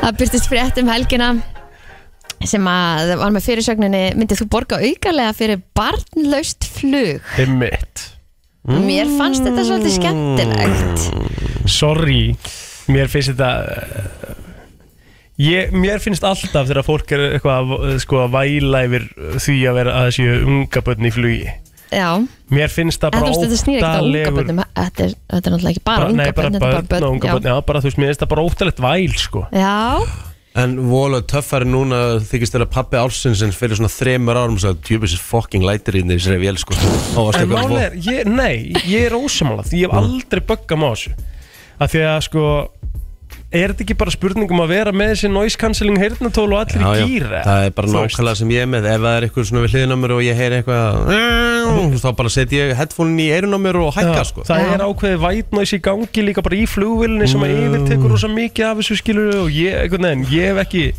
En mín- kannski hef ég þá bara lent í góðum flugum sko mín spurning til ykkar er þú veist, myndið þið borga aukalega Aldrei Nei fyrir barnlaust flug Aldrei Ég ætla að vera sammála plótur en það Ég myndi ekki gera það neitt sérstaklega sko Nei, það myndi ekkert bögga þig eða, eða En er- hérna, en vera er- í- Er, er þetta eitthvað svona, er eitthvað Herri, já, flugfélag að spá það var í sem sagt þessu? hérna flugfélag og, og er Tyrknest flugfélag sem að tilkynnti áformum að vera með barnlaust svæði í flugvélum sínum Mhm. og hérna og þá væri sem sagt bara mögulega þú veist annarkost helmingurinn á flugvélunni sem að væri barnlaus og hinn helmingurinn ekki eða þá væri bara algjör leggur sem að væri bara með þú veist barnlaus Já, en er, er þetta ekki svolítið að defeat the purpose eða þú ert með hálfan, hálfa vélina með börnum og hálfa ekki? eða? Ömmett, ég myndi svona, ég myndi svona halda það Já. En það sem að var náttúrulega skemmtilegast við þessa frétt voru náttúrulega viðbröð fólks á internetinu. Það er eiginlega það sem að, sko, ég poppaði út af. Ok, Og hérna, þú veist, virkir í aðtöðsendum, þeir náttúrulega elska svona fréttir. já, já. Þú veist, og þá var náttúrulega bara verið að tala um það, hérna, hérna, auðvitað myndi ég borga aukalega fyrir það að vera hérna í fríi og bara vera að njóta og þú veist, ég var í þessari flugvil hérna um daginn og það var ekkert nema bara krakkara öskra og, Mhm. og sko meiri hlutin af kommentunum voru já, ég myndi borga aukalega fyrir það, að fara í barnlist flug og það var eiginlega það sem komur svona mest á óvart við þetta, voru hvers, hversu mikil annarkoð, ég veit ekki, eftirspurn eða allavega viljið það var fyrir því að vera með barnlist flug En ég heyrið alveg að þér að þú myndir borga aukulega fyrir það Já, 100% Ég? Nei, Kristín nei. myndi actually borga Mér er- 300k fyrir bara Mér er alveg sama, sko, ég á Með alveg noise búrku í cancelling báðum augunum hérna. og bara svona þú veist. En ég myndi, prófa, ég myndi vilja fara í svona flugvila sem öll sætin væru hérna svona stór Ég myndi alveg borga, ég myndi prófa, vilja prófa að fara í svoleiðis Komin er bara öll sætin væri saga Já, Það skiptið Jú, einhver væri máli, þú ert það hvað sem næs. er alltaf í stóru sæti nei, nefnilega ekki Nei, nei. En hérna, sem sagt, það voru 251 komment Já, hjá sem virkum komu undir hérna komu undir þetta en Ok. svo voru einn og einn sem að voru svona eins og þú bara nei, ég elsku börnin, þetta er bara eðlilegt og skiptir ekki máli og þú veist, eitthvað svona Sko, alltaf fullt af fólki sem að það fyrir bara, já takk, já takk, já takk, já takk Ok Já, Já, og ég meina það er ekkert að dæma það fólk sko Nei, nei, nei, nei, nei, ég- það ég snýst dæmi ekkert ekkert- um það það sem að mér langaði bara að vita er eru fleiri að núti, 5.957 hvað Einmitt. finnst ykkur um þetta? Einmitt, ég var til í að heyra líka sko, því að því að, sko mín pæling er ef þú ætlar- ef þú ert uh, byrjaðar að byrjaðar að borga aukalega fyrir flug barnlust flug Mhm. um, þá áttu augljóslega ekki noise cancelling hernatól sko Mæ, Eðst, er, er, er ég eitthvað í ruggluna því mér finnst bara þegar ég seti á og seti eitthvað smá í gang þá heyrir maður ekkert annað en nákvæmlega það Já, því er sammála því þannig að ef þú ert byrjuð að að bara eigða auka pening í flugið Mhm. legðu þá bara til hliðar fyrir næstu tvö flug og keftu þér ný nóiskassinni hérna þá sko Já, já, svo segir Eifin hérna líka þú veist, ég finn einfallega bara til með börnunum þú veist, að því að auðvitað oft eru þau bara, þú veist, þau þurfa að sitja kjur skilur sem er þeim bara ekkit eðlislegt á Já, þessum já. kannski aldri Já, já. þú veist, þau eru kannski með illt í eyrunum og þess vegna gráta þau og maður finnur líka til með fóreldrum þeirra sem eru með börnina því þau eru bara drullu pyrru eð, ég ætla ekki að segja pyrru, heldur stressuð Mhm. yfir með viðbröðum þeirra sem sitja í kring Þetta er, þetta er svolítið fín lína sko líka Ég ljósi þess að þú veist þegar uh, börn með alveg lappum flugvelina og svona aðeins svona þurfa að reyfa sér lappirnar og eitthvað Mhm. En þegar börnin eru byrjað að hlaupa eftir göngunum og öskra og svona í einhvern leik sko þú veist, myndi maður ekki stoppa þessum fóreldri eða? Svo er ekkert allir fóreldrar sem gera það Nei. Ég hef alveg lendið þannig flugum Já, þar sem að já. barni fekk gessanlega að vera stjórnlaust Já. allan, allt flugið og, og hún, hérna, þau fóreldrarnir kipt sér ekkert upp við það Nei, og Bara- það er þá, hvað, þú veist, og þá er það bara, þú veist Ég persónulega myndi alltaf Já. stoppa það, þú veist, það mætti alveg vera að labba og leika sér eitthvað og skoða og eitthvað, skilur við mhm. En leiður orðið að hlaupa einhvern veginn eftir göngunum með öllu, með öllu tilhærandi, sko, þá svona getur það verið kannski smá brass Já Góðan dag, hvað segir þú? Allir, ég, þannig að ég, er alveg, alveg, ég er alveg sem átt að segja krakkar með eða ekki í flugum, þannig að ég myndi ekki okkar auðvitað. Já. Það er líka eftir það að vera með því hálfri, hálfri vélinu, það er alveg hvað er í- gangi rama. Nákvæmlega, sko. Nákvæmlega, sko Þannig að það er eiginlega alveg svona nokkuð nokkuð búið, sko Reykjösa dæmi hérna, reyklusu borðin, já, ég svo situr le- næst- næsta borðin liðan, það er reyklusu. Það var svo fyndið. Það var geðveikt dæmi, sko Einmitt. Mjög góð Það er punktur. reiklust. Já. Hálfur metri frá manni sem reykir. Já, það er satt að reiklust, það er. Eitt hérna sem segir tvímanna laust Takk Þetta ætti hérlega. að vera valkostur í öllum flugfélagum frá byrjun Já Já, ég er allavega búin að fara í mörg flug og ég bara eins og ég segi, ég seti alltaf góða headphone bara á mig og Svo best hérna Ég var líka til að borga aukulega fyrir barnlausa veitingastað og mest af öllu barnlaust bíó Barnlust Barnlust bíó, betur á hvað mynd er þessi Einmitt. aðeins að fara eiginlega? Já, já, já Þetta er bara mesta good shit væl sem ég heyr Já. Já, ég veit Það það er og- engin börn í bíó klukkan 8 eða 10 á kvöldin sko. Þurfti að fara í Börn- fjögra börn sem klukkutíma kunna sig ekki. setniparsflug í sumar til Evropu Það var væland og töðandi krakki alla leiðina fyrir aftan mig Mjög pyrrandi Vákvað við, þú veist, ég ætla ekki að vera leiðilegur en vákvað við Íslendingar um erum leiðilegir Ógisla boring sko. Já, svo er hérna önnur Ó já, ég myndi vilja geta valið þetta Yfirleitt þegar ég er að fara út þá er það til að fá pásu frá mínum börnum og þá nenni ég ekki að hlusta á önnur börn væla Já, ok Þetta er ógeðslega fyndið Já, mér finnst bara svo fyndið að fólk sé actually bara að hlusta, þú veist, er það bara í þessari sjálfspíningar uh, dæmi bara að hlusta bara, skilur við, eru þið ekki bara í öðrulega Ég- kundur, þá er ég- ekki bara að tappa ég, ég set á mig set á mig þessi headphone halla mér í sætinu bara skellir hlægandi Svo bara, heru, Mhm. Algjörlega. ég er að koma, komast til London eða vott efir eftir 3-4 tíma sko. Já. það er ekkert sem tekur mjög Svo jafnvægi sko. bara finnum við að til eiginlega með hinum fóldrunum sem er í Já, sama já, pakka ég vorkenni, ég vorkenni þeim sko. Já. eins og það blöður að fljúa með tvo, tvo skærulegana sko, til tenni og eitthvað svona þú veist, fær ekki eina sekund í pásu sko. og maður bara sjálfur með noise cancelling og kaldan Já, og, já, og já. ha- hafa það næs bara, þú veist, bara, bara vorkenni sko. það er ekkert annað sko. Herru, skemmtileg eh, umræða við höldum áfram í brennslunum fyrir og stýttast í byrtu og fleira Baby, how you feeling? Oh Herðu, það var einhver þáttur uh, hva- er, er, þessi þá, er þetta gamall þáttur sem ég var að sjá úr eða er þessi Judge Jury þáttur ennþá? Já, uh, pff, er hann ekki ennþá eða? En þetta er náttúrulega allt 100% feikað sko Nei, ekki þetta, pottet ekki þetta Judge Judy Nú er maður aðeins eitthvað að skoða þetta hérna -hmm. uh, Það er drotningin sko, hún er geggjuð Það er Mhm. gaman að hérna Gaman að fylgjast með henni sko 25 þáttaræðir að raunveruleika sjónvarpi mm. Það er svakalegt Ég nú sé ég ekki almennilega hvort hún sé að það í gangi eða ekki sko Er þetta ekki, kemur árið og svo hvort það sé bandstrik og ekkert eða bandstrik og annað ár Já, það er rétt hjá Kristín uh, Hætti 2001 Já, ok Allavega, þá hefur þetta verið þá uh, Það fór sem sagt par held ég í þáttinn Já. til hennar og þau voru að reyna að sjá hver var með ramt eða rétt fyrir sér því að uh, það var þannig að það var par sem var að fara að fljúa fljúa heim til sín Ok, í einhverju fríi og uh, það var þannig að konan hún vildi stoppa á Starbucks og fá sér kaffibólla fyrir flugið Mhm. ok og kallinn hann ætlaði bara að fara og ná, ná í sætið Mhm. bara, þú veist, farin í vél og ná í sætið af því að Þetta var sem sagt the last call eða bara þú veist mm. bara þetta var alveg bara undir það síðasta Þannig að hún hafði í raun ekki tíma til að fara og hún ná sér í kaffi í rauninni ekki sko Ok hún bara, en hún bara, hún sagði bara ég verði að fá kaffi mitt ef, ég- ef ég ætla að meika þetta flug sko Mhm.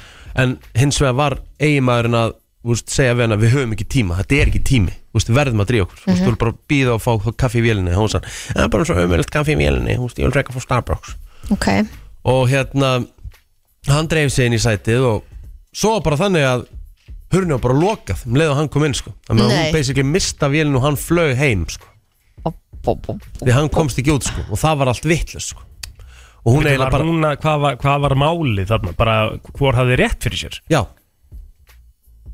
er, sorry, ég ætla bara að segja, drullaði hún ekki bara baka Ég myndi ég, þú veist, Jú. átti, átti hann bara býð eftir henni eða þú veist, Já, missa bæða flugvélni já, mm.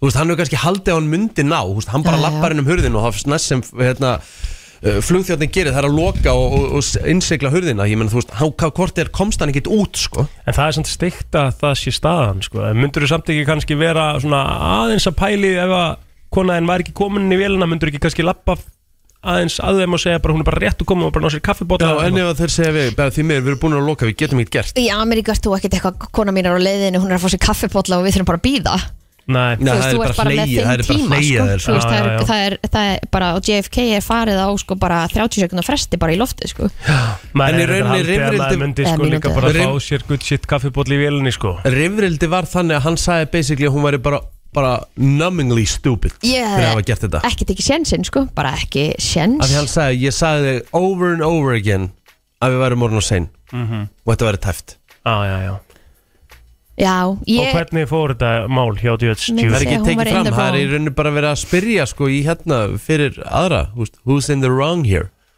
Hún. Þannig ég ætla að spyrja ykkur Já, Alltaf hún Já, er það ekki Já Það er bú, basically búið að segja þér að þú hefur ekki tíma til þess að fóða bolla sko Já, þetta er líka bara Djöts kaffibótli sko Já, Þú veist, þú getur slepptu fa- bara þú einum getur- kaffibótli Já, þú getur farið í vélina sko Já. Þú veist, þú ert búin að taka loft, þá getur þú bara beðið um bolla sko Já, Já, og- eða þá bara eða langar ekki í það þá bara getur alveg beðið í x tíma eða eitthvað já maður hefði Þetta er haldið það ekki sko lífsnauðsynlegt og pæliði hvað hérna bollin neila kosti hana líka mikið pening sko af því að hún hefur þurft að kaupa sér nýtt flug Sko, Judge Judy er, sérst, þetta er, þessi þáttur er ekki, hann er ekki tekin upp í uh, svona courthouse, hann er bara í stúdíói. Já, ég veit það En það held ég að, þú veist hún er bara að setla svona Já. persónuleg mál Ah. Akkurat Hún er Ég veit ekki- ég veit ekki sem um denda, Fyrir sko. fjölskyldu meðlema, sko, og eitthvað svona, Úff, myndið þið fara og bera upp og borg bara ykkar persónuleg Ah, mál nei, alveg eins og maður pælir í hvað fólk fer í Dr. Phil og er búið að gera það öll þessi ár, En sko. þú veist, við erum samt hér á hverjum degi að segja hvað er að gerast í okkar lífi, sko. Þetta er ekki að sama.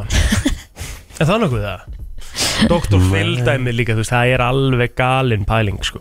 En pældi í hvað þau eru búin að, hún er sko moldrík, þessi, hérna, Judge Judy, Já. svakalega, sko. Hvað vorum? við? Við vorum með Dr. Phil hérna um daginn. Hann var metinn á 480 miljónir Dollara dollara.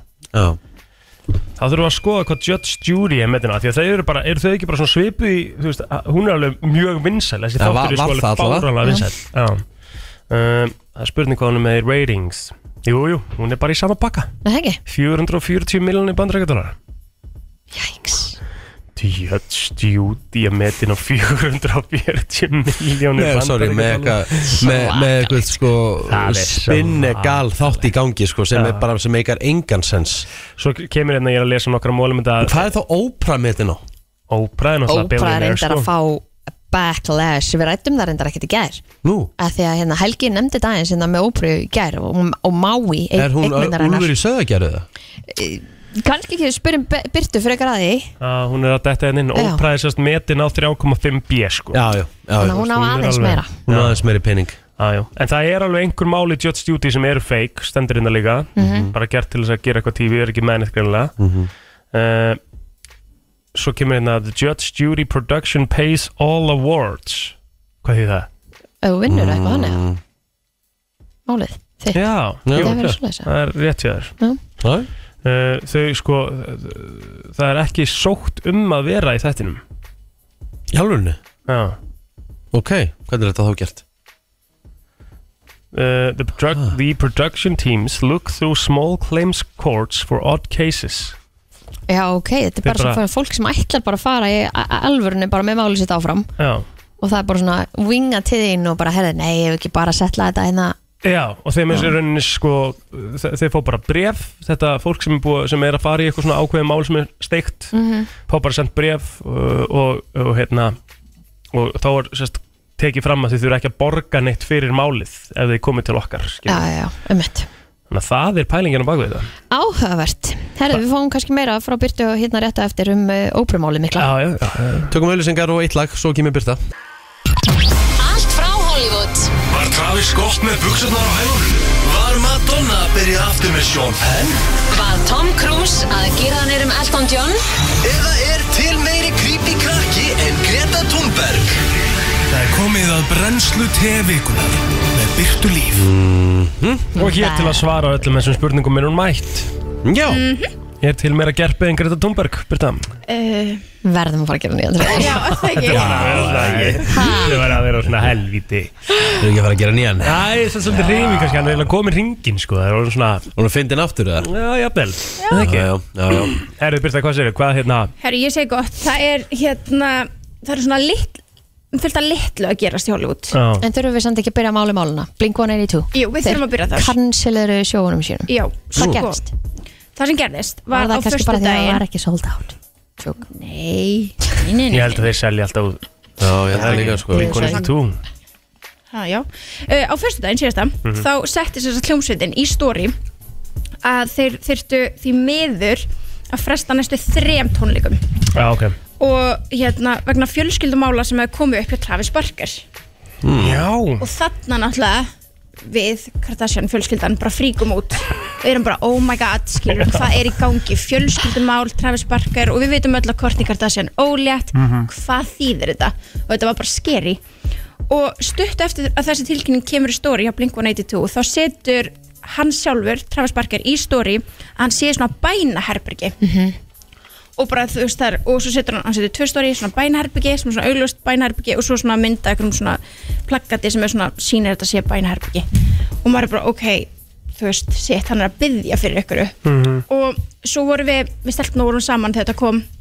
við googlum strax og fundum hvar bænaherbyggi var og það var á flugvillinum í Glasgow þannig að hann var bara að drífa sig heim Ég þarf að komast í þessa grúpu sem þú varst í sko. Já, Þú veist, þetta var bara, ég og Sunniva sko Já Það var bara við að googla bara, þú veist, ok, þú veist, eru þau í Glasgow núna, já, Fóruðu googlum bara í Google myndaleit eða? Nei, sem við sem sagt googlum, við hugsaum, já, hann, næstu tónleikar áttu að vera í Glasgow, þannig að hann er örugglega kominn þangað og þurft, Mhm. að þau þurftu að frest, fresta þeim.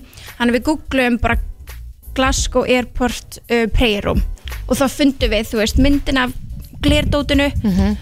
og þetta var nákvæmlega saman og hann setti stóri, þannig að við okkur, ok, hann er upp á flugu að byrja. Ok Af því að sum, sum, sum spítalar, öllu spítalarnir hérna heima líka, eru með bænaherbyggi Mhm. Ah. og við vorum svo hrættum að þetta væri bænaherbyggi upp á spítala.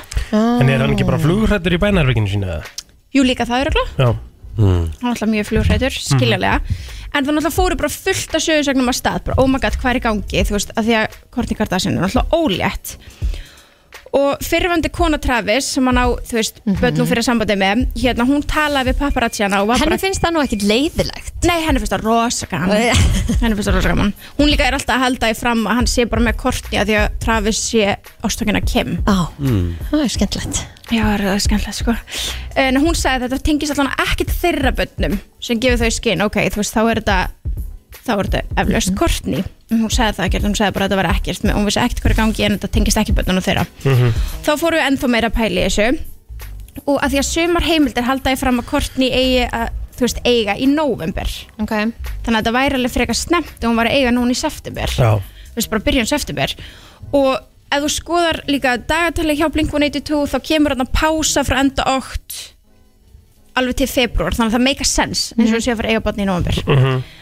allavega eftir þrjá hljóðlóta daga og allir að pæli þessu þá náðist myndaðum vera að labba saman út af spítalunum og hún er ennþá ólétt þannig að virðist vera allt í góðu Ok, en það er ekki búið að setja út neina svona statement eða neitt? Nei, ekkert búið að koma frá þeim en eitt þannig, en stelpunar allar, sýsturnar, þær voru bara að posta ne- venjulega og setja í stóri þannig að þú veist, þetta he- getur ekki hafa verið það alvarlegt sko. Mm. skilur við. nei En það er alveg svolítið alvarlegt að fresta þreim tónleikum með það ekki Þetta er alveg Jú, brjálæðislegu þú- kostnaður Þú gerir það ekkert að gríni innu, sko Nei, ég er að segja það Held Þannig ekki, að- sko Herðu, Joe Jonas og Sophia Turner Himmi Þau eru vist að fara að skilja Mhm Það er rosalegt En þeir eru bara eðlilega ný, flott par já, mjög svo nýbúin að einhvern veginn vera að posta fullt af myndum og Já, eiga tvö börn saman Mhm. og þetta lukkar ef þetta er rétt eins og þetta sé fara að vera ljótu skilnaður Mm. Hmm. að því í fyrstu fréttinni er tekið fram að Joe er búin að vera svo ótrúlega duglega með börnin mm.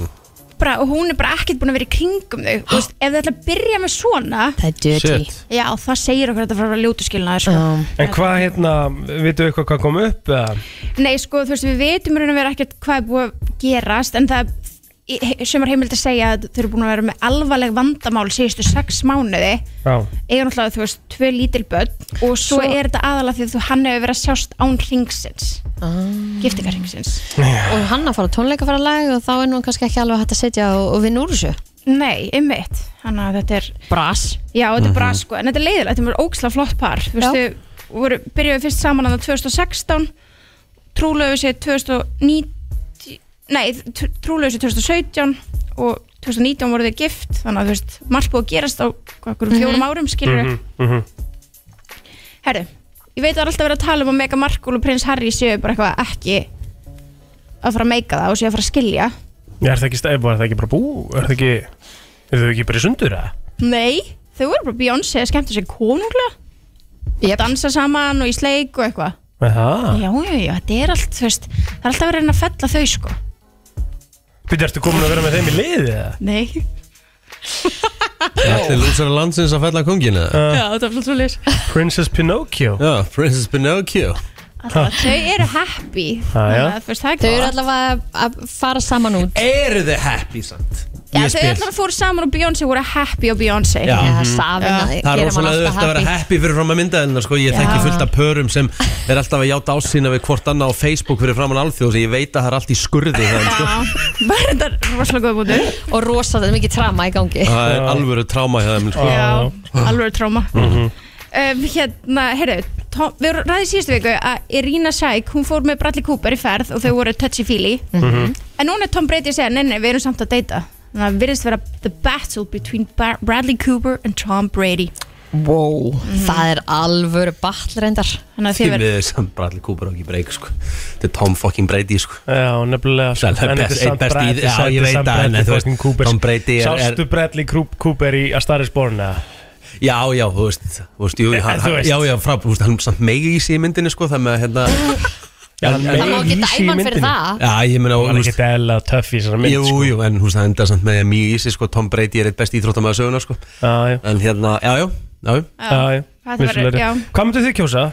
Tom Brady að Bradley Cooper Sko, ég, Bradley Cooper Ég held Bradley Nýjustu Cooper. myndirnar af eh, Tom Brady eru bara ekkert rosa sexy sko Ég nefnilega held þetta sé svolítið þannig að Tom Brady myndi Gæjarnir myndu velja Tom Brady en, en stelpurnar færu í já, já. Færu í Það Bradley sé svo sem alveg Æðilegt sko. Heyrðu, þið eru væntilega búin að sjá allir fréttinar Kanye West Já, já hérna. á bátnum og svona og Var hann með buksundar neyru sig? Fyrst, ég veit það ekki Já, var, er það var ekki? hún að Þú veist, hann var með plömmar Já Já, en sko það eru samt ekki búið Hún var byrstans eitthvað í- neina myndir af því þar sem hún er eitthvað Nei, ég veit Þú það, veist, mér finnst al- fólk verið svo ykt eitthvað Já, hvað mennir, hún var samt alveg með bara, þú veist, það sást alveg Hvernig? Það var svona jafnstaða í gangi hana Er það samt? Var hann að fá höfuð? Hann var að fá höfuð að þeir vilja meina það, sko. á Venice. Það er svoleiðis Hún setjaði í svoleiðis. lífstíða fangelsi, nei Bíddu. lífstíðar bann frá Já. þessu bátafyrirtæki Hann má aldrei leiða bátan aftur Býtu, ertu að segja mig það? Var verið að geta hún laukinan þú um borðið? Sumir halda því fram Þú ert ekki búin að sjá myndin Nei, Ég skal maður fá sýna að sjá þetta. Já, já, já Herru, Ég held samt ekki að því það er ekki búið byrstast neinar myndir þar sem að andlita á henni sérst ekki En þú veist, þeir það- voru samt eitthvað svo vandralið þegar þeir komu Sko- upp líka og þú veist þú veist, þetta er bara fyrsta myndin sem kom Og þú sér hérna, þú veist, hann er með plömmar, skilur Þú veist, hann er með buksna neyru sig Og svo er þetta næsta mynd Hvernig myndið þú skilgrina þetta? Og af, maður spyrja, af hverju er hann með svona grímur sem sé að ræna banka? Úst, þetta er sér gæja, svo Tískan, sko. frulur Já En hvernig myndir þú skilgrina þessa myndir svona sem þú varst að sjá? Hann er 100% að fá höfuð sko. Eða það ekki? Jú, jú, jú, það er bara ekki dörgar í þessum heimi Einhvern veginn er það svolítið líka sko. Já, ég Allan að það er búið að banna hann frá þessum bá Not that there's anything wrong with that sko, þú veist. Er það nokkuð? Þú veist, er þetta Nei, ekki bara- nei. Er þetta ekki bara stemmari? eða- Jú, ég meina, svona? þú veist, ég meina ef, að- ef bara allir bara hressir þá bara þú Já. veist, já, já. Sko máli er, við þurfum að ná samband við þennan gaur Sem var að stýra bátnum Já Hann þarf eiginlega að segja okkur hvað í raun og veru gekk á Hann hefur örgulega fengið alls konar tilbúð Í pott geðgjætt Peningatilbúð Sérðu, þú veist, hann virðist bara að vera að horfa á þetta Þessna, þessna finnst mér erfitt að trúa að það sé í alvöru jafnlega gangi, sko Þetta er samt Kanye West sko Ég veit að, herðu, hann mætti líka bara í brúðkup hjá mm. Mm. fólki, það er ekkert eðlilega að fyndi myndband, hann bara eitthvað all, öllu svörklættu og þau eitthvað taka mynd og þetta gett vandralegt, ég var einu En tók hann ekki eins og lægið það? Nei, nei Mætti hann bara í brúðkaupið? Hann bara svona randomly showed up Bara í brúk á Ítalíu Já, þau bara eitthvað gett Hvað lappaði hann bara inn? Já, mér sýnist það Og þau veit ekkert hvernig þau eiga að vera og þetta er líka bara skri, þetta er illa Og líka bara, skrítið er þetta kann ég, af því að þú veist, það er allt, allt bara, bara svarta klúta yfir andlitinu og ég veit ekki hvað og hvað Það er ekki svart Síðasta en ekki síðasta, krakkar, um, fengir staðfyrstingu. Hmm. Kylie Jenner og Timothy eru að deyta. Herri, þetta voru saman í gær Já. Ég sá það á tónleikunum hjá Beyoncé Þau voru Beyoncé Herri, hann að reykja Já Inni á tónleikunum, má það það? Já, Timothy Chalamet, hann má gera það sem hann vill sko það er pínu svo leis. Já. Þetta er kongurinn sko Þau eru okkur svona stjörnusóni. Mhm. Já, rétt Þannig að kannski má allt þar Litla meihemi sem að var hann í kringum Kardashian system og það- þær mættu Jeps Herri, talandi um uh, uh, Íþróttamenn og Tom Brady á Þá erum við að fá hérna uh, Harlem Globetrotters til okkar eftir smástund Vá Byrti ætlar að vera með okkur Þannig að Já, við ætlum já. að hérna, spjalla um, um Hafið þið farið á Harlem Globetrotters? Þegar ég Herri. var alveg bara kornungur Já, ég líka Hérna, hérna heima ekki? ég fór líka. eitthvað svoleiðis sko. Voru þeir- voru þeir að þá? Þetta er búið að vera. 1920 eitthvað sko Já. Nei Jú, jú Okkur veit ég ekkert hvað þetta er. Ah. Við skulum bara forrönda spytur eftir Já, já.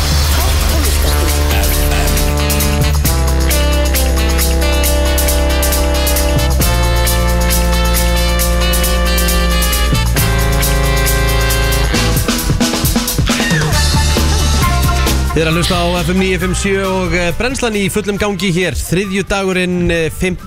september og eh, munið þið eftir eh, Harlem Globetrotters Ég- Sko við, já Ég, ég man alveg eftir þeim, ég hef Já. farið á Harlem Globetrotters sko, ég fór Já. bara á það fyrir Þeir Ég voru ætla þetta að bara um í segja dag svona, Nei, ég held að segja svona fimm ár síðan eða Já. eitthvað Geta það passa, fimm, Æ, sex ár síðan en Það sýtti bara að það Gæti verið alveg verið, senast sko. Ég meina það eru bara þrjú ár í COVID sko. Þannig að það var bara senast Já, ábyggilega sem getur voru við, þau voru, þá voru þau upp í hérna, á, voru á ásvöllum Já, ég fór á Globetrotters í Höllinni. höllinni, það er orðið helvíti langt síðan Mhm. Ah, Já. Við hljótum örgulega bara að fara á sömu sýningu Kristín. Bara potið Og þetta er alltaf hörku sjó sko Þetta er bara sjó Geðveikt skemmtilegt. Þetta er sýning og hérna uh, Harlem Globetrotters er held ég bara frekar svona gamalt fyrirbæri Já uh, Þau vita þetta örgulega betur sem eru komin hinga til okkar Svo þau hafa ekki skilhlið nokkurt skapaðan hlut sem við erum búin að tala um hérna Nei, nei uh, Við erum komin hérna með uh, Arisia Ace Porter og Speedy Artist uh, Welcome guys Thanks for having us. We're excited to be here.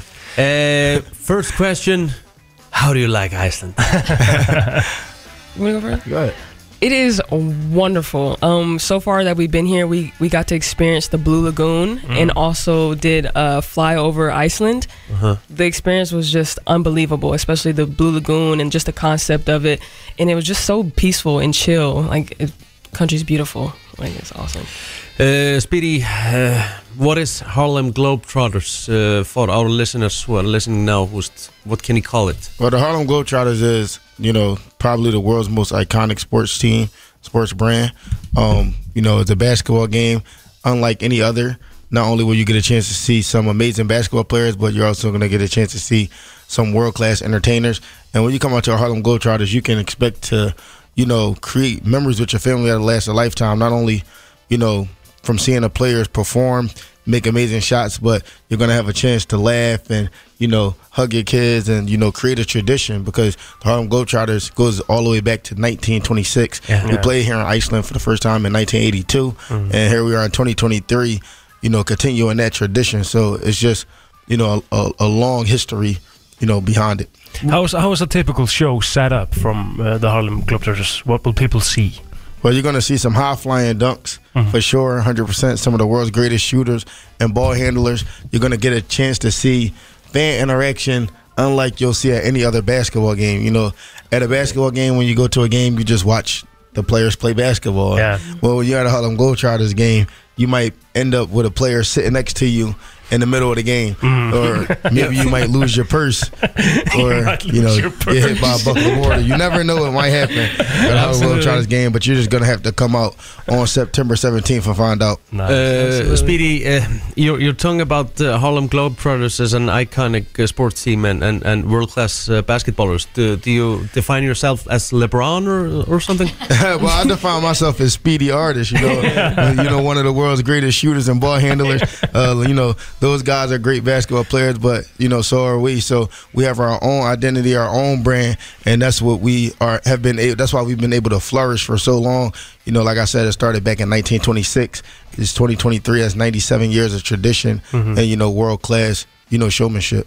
Arasha, it's a, it's, it's a nice job you have. You're just traveling all around the world and uh, Play playing basketball. basketball. and having fun. Absolutely. Like it's the perfect job. Like it can't get no better than this. Yeah. Absolutely. Just doing playing the game that I love and also being an inspiration, especially being a woman, um, and just trying to inspire young girls that want to be in my position. So I can't be better. How many hours a day do you practice or train?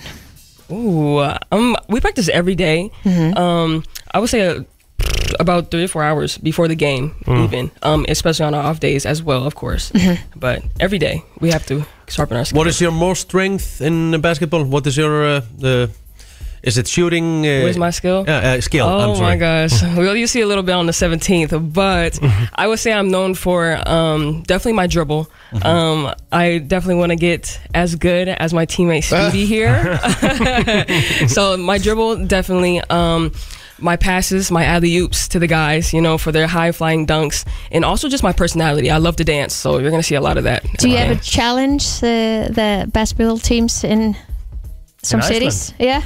Uh, well, usually when we go to you know a city, we we're playing against the Washington Generals, and you know they get better every year. They're trying to beat us, so we don't go into a city and try to invade the city and say, you know what, any takers that wants to play the Harlem Globetrotters, because we like to, to give the Washington Generals a chance. They've they lose, they've been losing to us since 1926, so you know I think they've earned their chance. I think they earned their chance to try to beat us whenever they want. And you know, here on September 17th, they're going to give it another try. Okay. And like like we said, tr traveling all around the world. Uh, but I'm gonna take Iceland out of the equation. Uh, what is the most beautiful place you've ever visited? That's a hard question. Uh-huh. Um, Iceland. This is my 32nd country. You know, Yeah, bless. whoa. Thank God. Um, God's be- blessed me with the ability to travel and play basketball and inspire. Um, I had the opportunity to live in Brazil. Um, I lived in Brazil in 2017, so I, I kind of always am biased to Brazil because I got a chance to actually be around their people for an extended period of time. I got a chance to, you know, live there, live in that culture, you know, experience the kids, experience the kind gestures.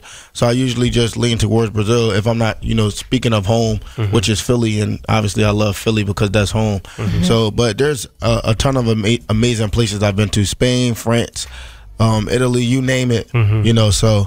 it- It's always a hard question. Finland has been beautiful, like like she said yesterday. I'm sorry, Finland. We're going to Finland tomorrow. Mhm. That's my work brain.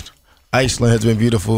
You know, we've been all we, we got to fly over Iceland yesterday and really get a chance to see all of the wonders that it has to offer, including the Blue Lagoon. So this would be right up there on the list, honestly. Nice. And your show is uh, 17th of September. Yes. Here in Iceland. Yes. Tix.is, miðasala miðix.is til þess að eh, tryggja sér miða á þetta geggjaða sjó uh, uh, Arasia and Speedy uh, thank you so much for coming to the show and, and best of luck 17th of September Thank you. See you there. Þetta er brennslan Já, oh god já Oh my god. Hvað erum við að, hvað erum við að fara að gera núna? Að hvað Það erum er við að ekki gera Mhm. farið núna? fram hjá neinum á landinu mm -hmm. síðustu dag og það er ekki oft sem að jógurt er postaðin á grúpuna nammitips en það er svolítið staðan og þau eru mættina Auðjón uh, Guðmundsson frá Nova Sirius, hann er frangatastjóri Markas og Sölusis Mhm. og svo er það Halldóra Atendóttir Markas og uh, vörflöksstjóri frá Mjölkusansunni, ertu velkomin, eða verið velkomin Takk fyrir það Hvað þýðir það þegar þið tvö eru komin saman? Það þýðir bara gleði sko. Ég held það nefnilega. Sko, af því að hérna erum við með fyrir framann okkur uh, Það er fólk, fullt af fólki búið að sjá mynda þessu En er, er þetta komið í alla búði núna? Heldur betur. Já En Oh. þetta er engja þykni Með nóa kroppi og fólk heldur og hugsar Þetta er eitthvað grín. Já Þetta er svo fyrsta april Já. það, Ég hef séð nokkur þannig komment sko, svona fyrsta april komment og sérstaklega líka hvernig svona passar nóakroppið einhvern veginn í er þetta þá bara þrjár kúlur skilur við Nei. Nei, hvernig fóruð það þessu fyrir þá sem ekki vita Her, þetta er búið að vera mjög skemmtileg samstarf og þetta er fyrsta sérútgafan frá engetekni Mhm. og við erum semst búin að vinna mjög vel saman mjölkusansalinn og Sirius Mhm. Mhm. og Nóa Sirius er að framlega núna svona smá Nóa kropp sérstaklega fyrir þessa sérútgafu Já, en þetta er eins og sagt, hvað segja, mi- minni útgáfur af nógakroppinu En þetta bara meika svo mikið sens, ég menna ég borðaði senast nógkropp í gær Já. Þó það hefur mátaður, Já, ég já. var alveg sama Út á ís, þannig af hverju ekki út á jógurt Nákvæmlega Já, sko Það bara nánast þróa sér sjálft Já, af því að svo er maður líka heyrt af fólki sko, sem að ég myndi ég myndi auðvitað náttúrulega kalla það siðblindu sko, að hella mjólk út á nóakroppi sko, og taka bara með skeið Eða Það er- rjóma. Þú veist, eða rjóma já, og það er bara morgunkort sko. auðvitað er það ekkert í lagi skilur, þú leifir það kannski á jólunum skilur, en, þú veist, Já, það er ekki alltaf ný bláber Þannig Nei, að maður nei, stundum það er þarf bara rétt. að setja smá nógakropp í staðinn sko. en, eh, en ég verð að spurja það út í sko, að því að þetta þið eru með svona eins og við vorum að segja svona sér hannað lítið nóakropp og nú byrjaði ég bara því að smakka það með skeiðinni skilur Mhm. Já. til að sjá hvort þetta væri raunverulega nóakroppsbræðið sko Já. og það er það Það er þannig og er svolítið skemmtilegt svona í munni sko þannig ég Já. geti trúa er þetta eitthvað sem þið getur bara komið með í pókum smá nóakropp Það kæmi ekkert óvart en, en, en, en hérna Þetta er svona spurningu hvað maður tekur stóra lúku sko Emmett Og þetta er svona, það hljómar ágætlega sko Það er bara lúka smá nógakroppi sko. En þið merkið þetta sem eftirrétt Þetta er í eftirréttarlínun okkar Mhm. og þetta við segjum að þetta sé bara eftirréttar ársins núna Já Ah, Já, já Svo sem sagt sko, þetta er par ásinn sko Já. Bittin á Já, ég veist Verða líka par bara landsins. ósköku til hamingi með þessa nýju umbúið sem ABT-ið og, og þetta er komið í og þetta er algjör snilt Kæra þakkir, já, við erum virkilega ánægð með þessa, þessar umbúðir Mhm. Já, þetta er nýjasta stjórnupar uh, stjórnupar landsins Herðu, en engja sjálf þú veist, þ- þetta er náttúrulega mað, ég fæ alltaf svona smá nostalgíu þegar ég borða engja þegnin hvað er langt síðan að þið kiptið ykkur engja til dæmis?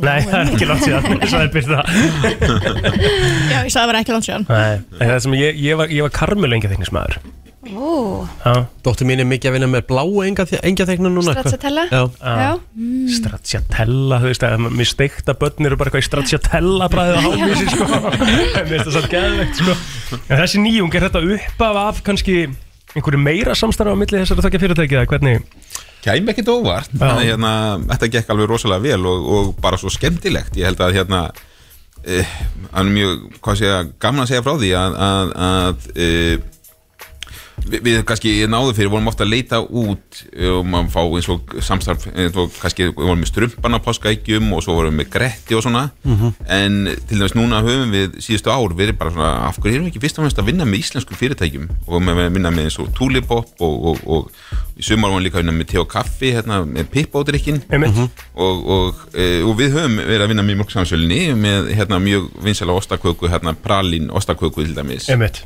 og, og með páskana pipp ostaköku og, og já, það liggur svolítið bind við svona að tvö íslensk fyrirtæki vinnið saman og, og hérna Já, þið líka bara töltið á milli á fundi sko Það eru bara Nákvæmlega. leiðið lið Góður bara leikur um. göngutúr. Já. En líka bara með líka svona tvær iconic íslenskar vörur, Mm, þú veist, Nóa kropp er nákvæmlega. bara, það er hægt að segja að það sé bara einhvern veginn svona þjóðar súkulaði Íslendinga og þú veist, sömu leiðist alltaf yngja þeim, þetta er bara eitthvað sem mamma bara elst upp með að borða Einmitt. þannig að setja þetta tvent saman er náttúrulega bara einhvern veginn svona þegar, maður, þegar þetta er komið þá er maður bara, já, auðvitað þetta er nóbreynir já, já.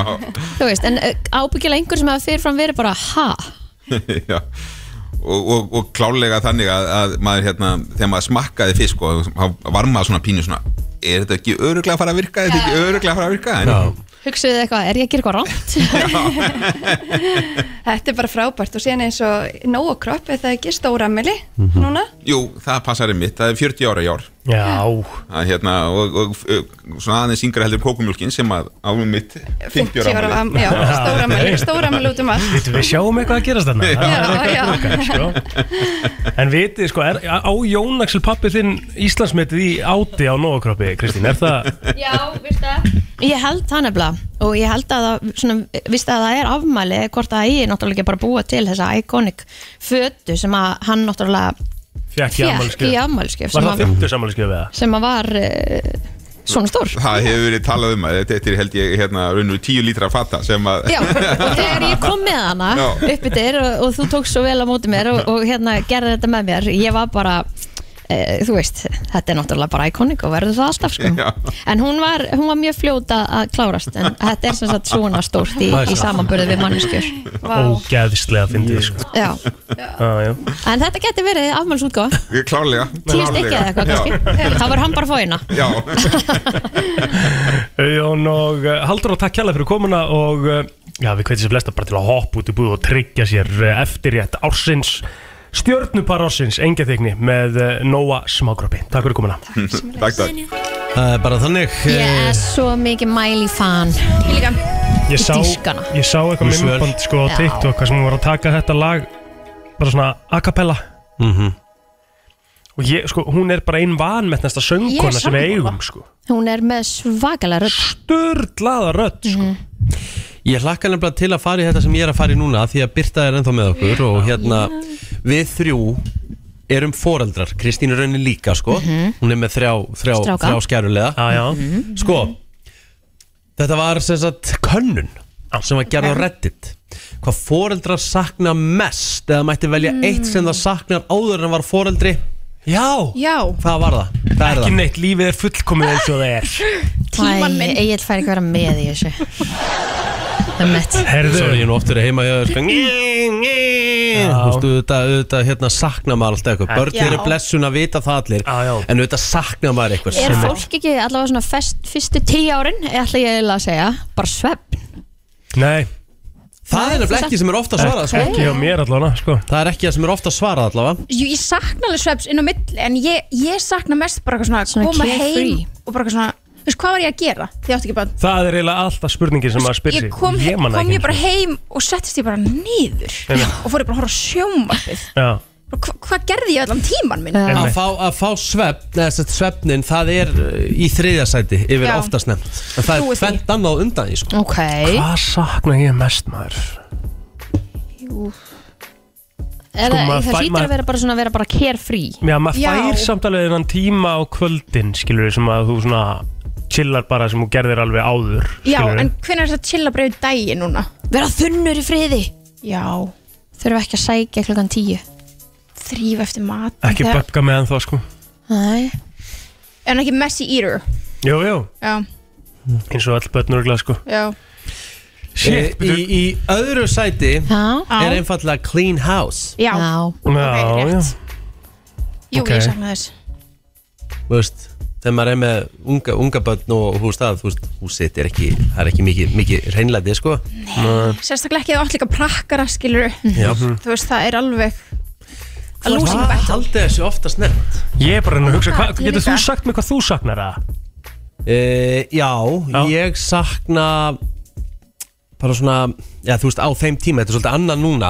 Það er bara að geta bara, þú veist, herru, ég var bara í einhverju fríi, bara, og allt í hennu langaði mér í bíó. Já. Það vesin að þurfa mögulega að retta Já. pössun. Ég er sammála Þú veist, að þessu. geta- Já. Að geta ekki bara að fara í bíó samdægurs. Ég er sammála þessu Sammála, mjög Þú ert að sammála plana allt Út miklu að meira. borða Já, eða eitthvað, já. þess að þetta er allt orðið ves Ég var ekki að finna neitt, þetta er málið Já. Svona að vera svona að þurfa alltaf að plana Já. allt með svona alveg svolítið fyrirvara í staðan fyrir að geta bara nelt sér á stað Já. Og þetta var oftast nefnt. Já, er Já, það? Það er bara, Já. þú veist, uh, leaving uh, the house at a moment's notice Einmitt. einmitt já Þú veist bara, mér langar að sjá hérna nýju John Wick fjögumyndina bara klukkan fjögur um daginn Herru, ekki hendur þú klukkan áttar sko minn Mhm. Bara, hvað er að gera við krakkan? Já. Skilja hann eftir svoandi heima bara Já, Hvað ætlar að gera við krakkar? Nei, þú var alltaf að fara í sitt hverju lægi núna Það er bara, já, farð þú bíu kvöld, svo fyrir ég bíu morgun Nei, Það er líka svo leðilegt sko Já, það er Einmitt. ömurlegt. Og svona þurfa líka því að þegar maður fa- þarf svona mítæm þá er það alveg þannig að maður maður skiptir tímanum heilt yfir sko, þú veist, ef ég- ef ég ætla að fara hérna í golf, skilur Mhm. þá þarf þú kannski að, þá kem ég og tek við þér kannski svona að vinna með, síma, með tíma sem ég voru kannski að ná að gera eitthvað saman Einmitt. alltaf í síkur og Mhm. læg Já, það er Það er úslega svona leðilegt svolítið partur af þessu líka Í fjórðasæti var, þú veist, að sofa út um helgar Þú Já. veist, Þetta breyti mig engum máli sko, að, þú veist, að ég fann ekkit fyrir því sko Við skiptum bara dögum Já, Já, við erum líka með þannig, það er Þú bara veist, fast já. bara, og, þú veist, og það er bara, þá getur ekki reyfist á mánuna Nei, Það er bara þinn morgun eins og núna er það garanterað því ég er meiri drikkjurhrútur heldur en Telma Mm. Mhm. Mhm. og við erum að fara í brúkup á lögadaginn að ég mun taka lögadags morgunin að því ég ætla að fá að sofa á sundaginn Ég er ekki búin að eiga þessar samræður við hana En ég held Já, að mér finnst það bara eðlilegt að því að hún, hún drekkur bara 1-2 Já, hún er svo róleg sko. Þá á hún eðlilega að vakna á sunnudaginn Já. Sorry, mér finnst það bara skrítið Við erum samt hún með gerir það næ- ekki. við Mhm. erum með nætabössun, ég er búin að gleyma því Hún tekur kannski bara lögudaginn Já, þú bara Og þú sleppur. færð að Og ég sef að þú sinni Þetta er bara hátó Þetta er bara, þetta er ekkert nema sengjart Mér finnst það líka, mér finnst það bara sengjant Mjög sengjart Förum við virta þetta smá Það er komið að þeim virta Vissir þú að abar kúka bara einu sinni í viku? En vissið þú að selir gera í rauninni ekki neitt? Tilgangslösi móli dagsins Í brennslunni Það er nefnilega það Ótrúlegt, svona Ítur- 9.30 þetta skulle koma þá Uh, Hvaða móla er Íktur plótir með í dag? Herðu, áðurinn í fyrir móluna Þá er ég að hugsa um að gefa hérna kassa af Nei, nei, Engja þig. nei, nei, við gerum það bara í lók þáttar Akkur Af því bara það er komið að þeim virta Já, en ég er að hugsa bara svona í Nei, nei, nei, bara gerum það í lók þáttar Ekki en, ljósin en það verður að vera einhver sem getur koma og sótt þetta strax þetta þegar við erum ekki með ískap til að hafa þetta í Já, já. það þarf bara, þú veist, það þarf að vera eitthvað sem er á ferðinni sko. Já. Já, já, bara gerum það bara í lók þáttar Mhm. Herðu, rannsakendur hafa fundið það út að, að eiga hund mm. Það er að minkar líkur á dauða bara, bara frá any cause wow. um 24% What? Já, Mm, já. Ég hef ekki heyrt á Er það bara því að maður er svo hamingisamur? Ætli það ekki? Líturlega bara Það verður eitthvað svona smá til að knúsa og kissa og knúsa og aftur og all, einhver sem að tekur alltaf á móti Skilur, pæli í fólki sem á ekki hund Akkur átt ekki hund Ég? Já Veit það ekki Veistu hvað er næs að mig mæta langar í heim og hund. það er alltaf einhver sem tekur á móti er Já. sko rífandi glaður og Það er bara líka svakalega mikið binding að eiga hund sko. Mér langar alveg að eiga hund en ég er samt alveg það ábyrg að ég er ekki að fá mér hana því að ég veit ég hef ekki tíma sko. á það er bara tjúa skilur Nei takk, Þú veist, það er ekkert svo mikið binding sko gælt er allan dag Ekkert, ma- nei, það er Eh, bara Það er alveg ekki nú fólkin í, hú, í húsinu það Nei, það er bara alveg nú Já, ok, þannig að þú ólst þinn ekki upp Nala mín gæltir ekki neitt Gæltir bara á þig, hún gæltir á fólk sem hún treystir ekki sko Akkurat Herðu, um, Það var árið 2010 sem að pyrraður uh, flugþjótt hjá JetBlue uh, sem satt ákvaða að tilkynna það í PA-inu Mm. Það er íslensk orðið yfir PA Kallkerfið bara Kallkerfi. Kallkerfi.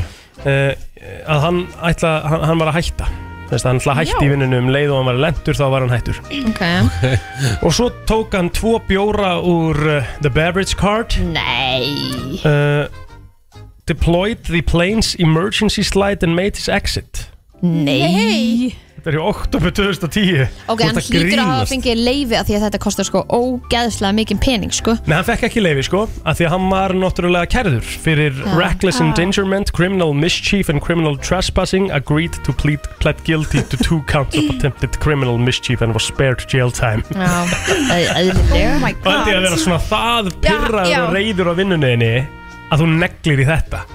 Já, Þetta er bara hart Hart, þetta er bara Og líka bara geta að fara í jailið bara sko Veitu hvað, ef við setjum þetta í samingi við bara, ef Rikki gefur bara núna, það væri alveg gjörsalega trilltu bara og myndi tilkynna það hérna í útöpunum, bara eftir þennan þátt þá er ég hættur, ég kem aldrei aftur inn í þetta stúdíu og hvað svo, tekur þú balan og hellir yfir græjurna bara Sér kannski neglir mikrofónunum í yeah. tölvuna negli mikrofónu tölvuna eða hendir vaskusu eða í áttina mækonum, nei já það, það er allt sem úr búið að gera Allt sem þú ert búin að gera. Ég þurft að, ég þurft að hugsa eitthvað út fyrir bóksið sko Þú fyrst er að segja ábyggilega eitthvað ljótt bara í mikrofónun Já Herðu, það er uh, til svona fyrirbæri í Hmm. Tulsa, Oklahoma sem heitir uh, The Center of the Universe Já og það er talið sko um Er það ekki í Íslandi? aha, Center of the Earth eða eitthvað Var ekki myndin um það? Journey to the Center of the Já. Earth Jú, en það er náttúrulega bara Hollywood mynd byrta sko Nei, það er samt þetta er rétt Já, ég hef Ha. rétt fyrir mér, það er eitthvað starf miðpútur hérna, er eitthvað starf hér þetta er hár rétt hjá Byrtu Já, Nei, víst Þetta er þetta kjæftæði Þetta er alls ekki kjæftæði En það er allan að tala um þetta, þetta er eitthvað svona, það, það, fólk veit ekkert almennilega hvernig þetta var byggt og eitthvað, þetta er svona mysterious fyrirbæri Mhm. sko. Mm-hmm. En ef þú stendur í miðjunni og það er svona ringur sem ég er að sína ykkur svona, það er búið að að múrsteina svona Mhm. og það er svona ringur í miðjunni. Ef þú stendur í, í miðju ringsins og gerir eitthvað svona hljóð eins og bara eitthvað svona, Mhm. Mhm. þá... Hvernig? þá sem sagt þá, þá hérna bergmálar það tilbaka sjö s- sko, nei, several times louder Ok Sem sagt bara, það er ekkert, sæ- er ekkert eitthvað hversu mikið decibel eða eitthvað, það er bara smá Nei, bara hærra several times louder stendur Þú varst bara í fjórum mínútur að lesa um að eitthvað myndi bergmála Já, en fólki sem að stendur út fyrir ringin Já. heyrir ekki í þér Vá, það breytir þessu Hvað erum við að tala um hérna? Herðu, að geta og þetta er frábær punktur Að fyrir mig borða. Já, að borða Uh, nei, þú getur alveg getið sko að því að, að, að, Éta. já, nei, að borða Við borðum. Nei, ég er ekki samanlega þessu að því að borða er að setjast til borðs Mhm. Mm. að geta, þú getur bara tekið ég, er bara, þú veist, ég var að geta hérna yngja tekna á hann þegar ég var bara standandi að borða hann skilur Uh, Stendu við borð, geta hana, standandi og geta hana já, en ég get alveg verið að geta bara ekstar borða leiðum bara geta að borða tvo hambúrgara er hotlara heldur en að borða einn hambúrgara Nú, með frönskum hvað, já, er rétt Sjáu það, þetta, þetta hendar mér mjög vel sem að er maður sem að eh, það er hérna er, það er hotlar að borða tvo hambúrgara heldur en að borða einn hambúrgara með frönskum Jáp. Jáp. Já, það er mikið sens -hmm. Og franskarnar eru svo mikið ofumat Þú veist, ég skil ekki okkur fólk myndi ekki bara fá sér tvo hambúrgar sko. Já, þú borðar náttúrulega svo sjaldan franskar, eiginlega bara aldrei sko. Já, mér finnst það bara ekkert spes sko. Mér finnst það bara auka dæmi sem að gera ekkert meira fyrir matum minn sko. Og hefur smakkað frölunar á McDonalds eða? Úff. Frölurnar á Ég McDonald's, fer sko. frekar bara að fæ mér franskar á McDonalds heldur en að fæ mér hamburgaran á McDonalds sko. Mm, Ég- Brauðið ég- Mm. er bara þurrt og viðbislegt sko. Ég fæ með fjóra osburgar á nakka sko. no. No. Það er harkaleg Svona barnahamborgara eða bara- Já, þetta er svona, þetta er bara svona Brauðið. ostborgarnir eru litli Þessi venjulegu, já, já, já. En þú veist Ó, naggar samt gott sko. Naggarnir á McDonalds maður Það er Svo gott Svo mikið ógið menn I don't care Pottþétt, sko. Ég hef ekki farið á McDonalds svo lengi Já, ég ferðu fer ekki bara alltaf þegar þú ert að ferðast? alltaf Nei, þegar ég er að nefnilega ferðast. ekki, sko. Alltaf einn McDonalds Já Hvað Ég- er þín pöntun á McDonalds? Þú ert náttúrulega komin í, þú ert farin í hérna Ég tek, alls konar eh, Big nei, Mac ég tek, eitthvað. big, ég tek eitt Big Mac bara plain, ekki með neinu græmmiðunum bara um osti uh, svo tek ég einn ostborgara bara auka líka plain Já. tek ég stækkaði frönskunnar alveg sko, sko ara gróa tómatsósu og alltaf stóra kók Ég, fer, ég, er, ég fór alltaf í kjúklingaborgaran hann er Hann er góður. ógeðslega góður. Hann er Geggjaður. svo góður Já. sko. Ég fór ekkert með þér um í Barcelona ég og Telma að sínum tíma þá var þeir með nýtt eitthvað svona parm, chicken parm burger mm. Það er það besta sem ég fengi Já, á Hm. McDonalds ég, það hljómar ekkert eðla vel Það var algjörlega störðlað sko. Og líka París, þetta gett fancy Það það er Barcelona Nei, en þú veist, ef þú ferð í París Mhm. á McDonalds Mm. Það er bara, þú veist, það er gett fancy og þú getur bara fengið baguette og eitthvað Er það? Já. En þú veist, myndi maður að fara á McDonalds Það er til dæmis að þetta fór salat Já. Þú Mhm. veist, færi maður á McDonalds þegar kaupir sér salat Ég hef heyrt að það sé bara gott sko. Já, kannski ekki við af Þegar við fáum þetta svo sjaldan sko. skilur við. Einmitt, einmitt. Þú veist, Þá myndi ég bara fara í einhverja salatsjöpu Líka fullt af fólki sem fer bara á McDonalds bara first thing Já, þeir eru, Fá sér með, morgumat sko. þeir eru líka með breakfast menu mm -hmm. Einmitt Herra, veitir hvað? Á förstu daginn er ár síðan Queen Elizabeth dó Vá, fljóta liða. Jú, þetta er tími fljótur að Já. leiða maður Jæks Og Joe Biden sagði bara God save the Queen bara í síðustu viku Já, bara eitthvað leis Mhm. En þá erum við að spyrja, Æ, æ, mun, æ, hvar æ. voruð þið þegar þið heyrðuð að drottningin var dáin? Bara hér Bara örgulega hérna og gæti ekki verið meira sama sko Nei, þeir var nú ekkert sama Samar ekki Af hverju er mér ekki, af hverju er mér ekki sama? Rikki, þetta er merkasta kona í sögu heimsins Já, Nákvæmlega. komin- Þeir var komin- ekki Komin bara saman. tímið því miður sko Já, það voru, allir á, það voru allir á þeim stað en þetta er samt að iconic moment Rikki Eða eða þú ert að fara að setja í 9-11 eða- Alltaf, eða þetta er í- Michael Jackson, þetta er í sama. Aldrei, aldrei sammála því Jú Ég man eftir man ekki, því ég man, hvar ég ég- man ekki hvar, hvar ég var þegar þetta var til Nei, gett sko. en þú Kristín, manstu Já, það? ég, sko, ég manna mitt líka eftir því þegar að, ba- sko, Michael, Michael Jackson Já, við ætlum að fara yfir það Og Whitney Houston Við ætlum að þú fara veist yfir maður- þetta allt. Já, Ég elska það. Við þurfum að gera það Já Því líka vanverðingin á Elisabeth Bredaton Ríkard, þú Nei. skuldar afsökunarbegin Já, þannig að varstu bara í vinnunni, Kristín Degja ungir sem guðurnir elska Herðu, klukkuna vantar 8 mínútur í 10 ætlum við ekki að gefa þetta nýja engjathykni með Noah Kropp Jú, en það þarf að vera einhver sem er á ferðinni og við erum hérna með kassa af þessu, þetta eru ykkur 6 stykki skilu og það er um að gera bara, ringi okkur núna 511-0957 af því að þetta er uh, nýjasta varan, sam, uh, samstarfsvara milli uh, mjölkursamsölunar og nógakropp Ástæðan fyrir við erum að gefa okkur um sem er á ferðina því að við erum í ískap sko. Já, til að gema þetta Já. kæla Þannig að Við viljum bara koma þessu út En þú veist, það er ekkert máli ef að, ef að þið viljið þetta ekki þá bara fer ég á hæðina og vera vinsalasti gæðin á staðnum, skilur við, bara Já. vera að dreifa hérna yngja þegni, sko en, en þetta er allan að for grabs fyrir það sem að vilja 511-0957, það Það er gæti nóg að verið að- línum, það er nóg að línum sko. Já, það gæti verið að ég hérna kom með eina spurningu eða eitthvað FM, góðan dag Góðan daginn Daginn, hvað heitir þau? Ha? Hvað segirðu? Ég sagði, hvað heitir þau? Ég heiti Jónas Mhm. Akkur var þetta svo verið Það var að eins og ég ljúga væri alveg viss Bara Jónas Hvað heiti ég í dag? Um, Ég heiti Jónas Æ, þú heiti Jónas Hvað er son Jónas? Jónas Guðbrandsson Ó, stórt Jónas Guðbrandsson Ég ætla að spyrja þig, Já. hvað er nóa kropp að fagna miklu afmæli í ár? Fuck, þar fór eh, Þar fórstu með það Aha. Ég hérna Já Ég hef ekki fylgst á vel með En hérna uh, Ef ég á að skjóta eitthvað út í lofti Þá giska ég á 40 ára 40 Mm. Já Ég ætla að segja þér að þú getur með þess að hangi lengur og meðan þú var að googla en þetta er hárrétt hjá þér 40 ára, það er hárrétt hjá þér Hvað er kókomjólk að fagna stóru afmæli í ár? Var það ekki 50? ekki hugmynd En maður spyrir, er þetta ekki bara, var þetta ekki bara ein spurning eða? Jú, þetta er bara svona gert í gaman sko. Jónas, ertu á ferðinni? Já, já Veistla, komdu á Sjölusbjörn 8 og náðir hérna í, í, í kassa af engjathykni 50 með, eh, Takk fyrir Hvað, 50 hvað?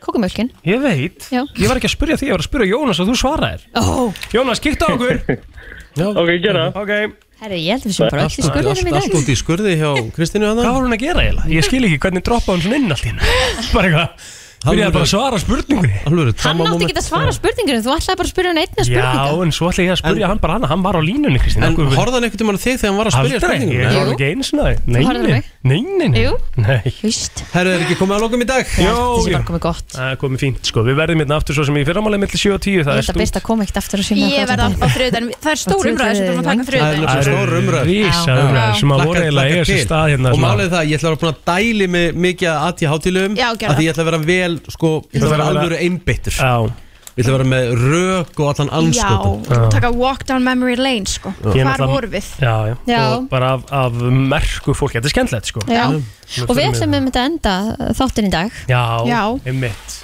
á einu svo leiðsatri Já, það er náttúrulega þannig að uh, söngvari Smash Mouth uh, lest í gær Já.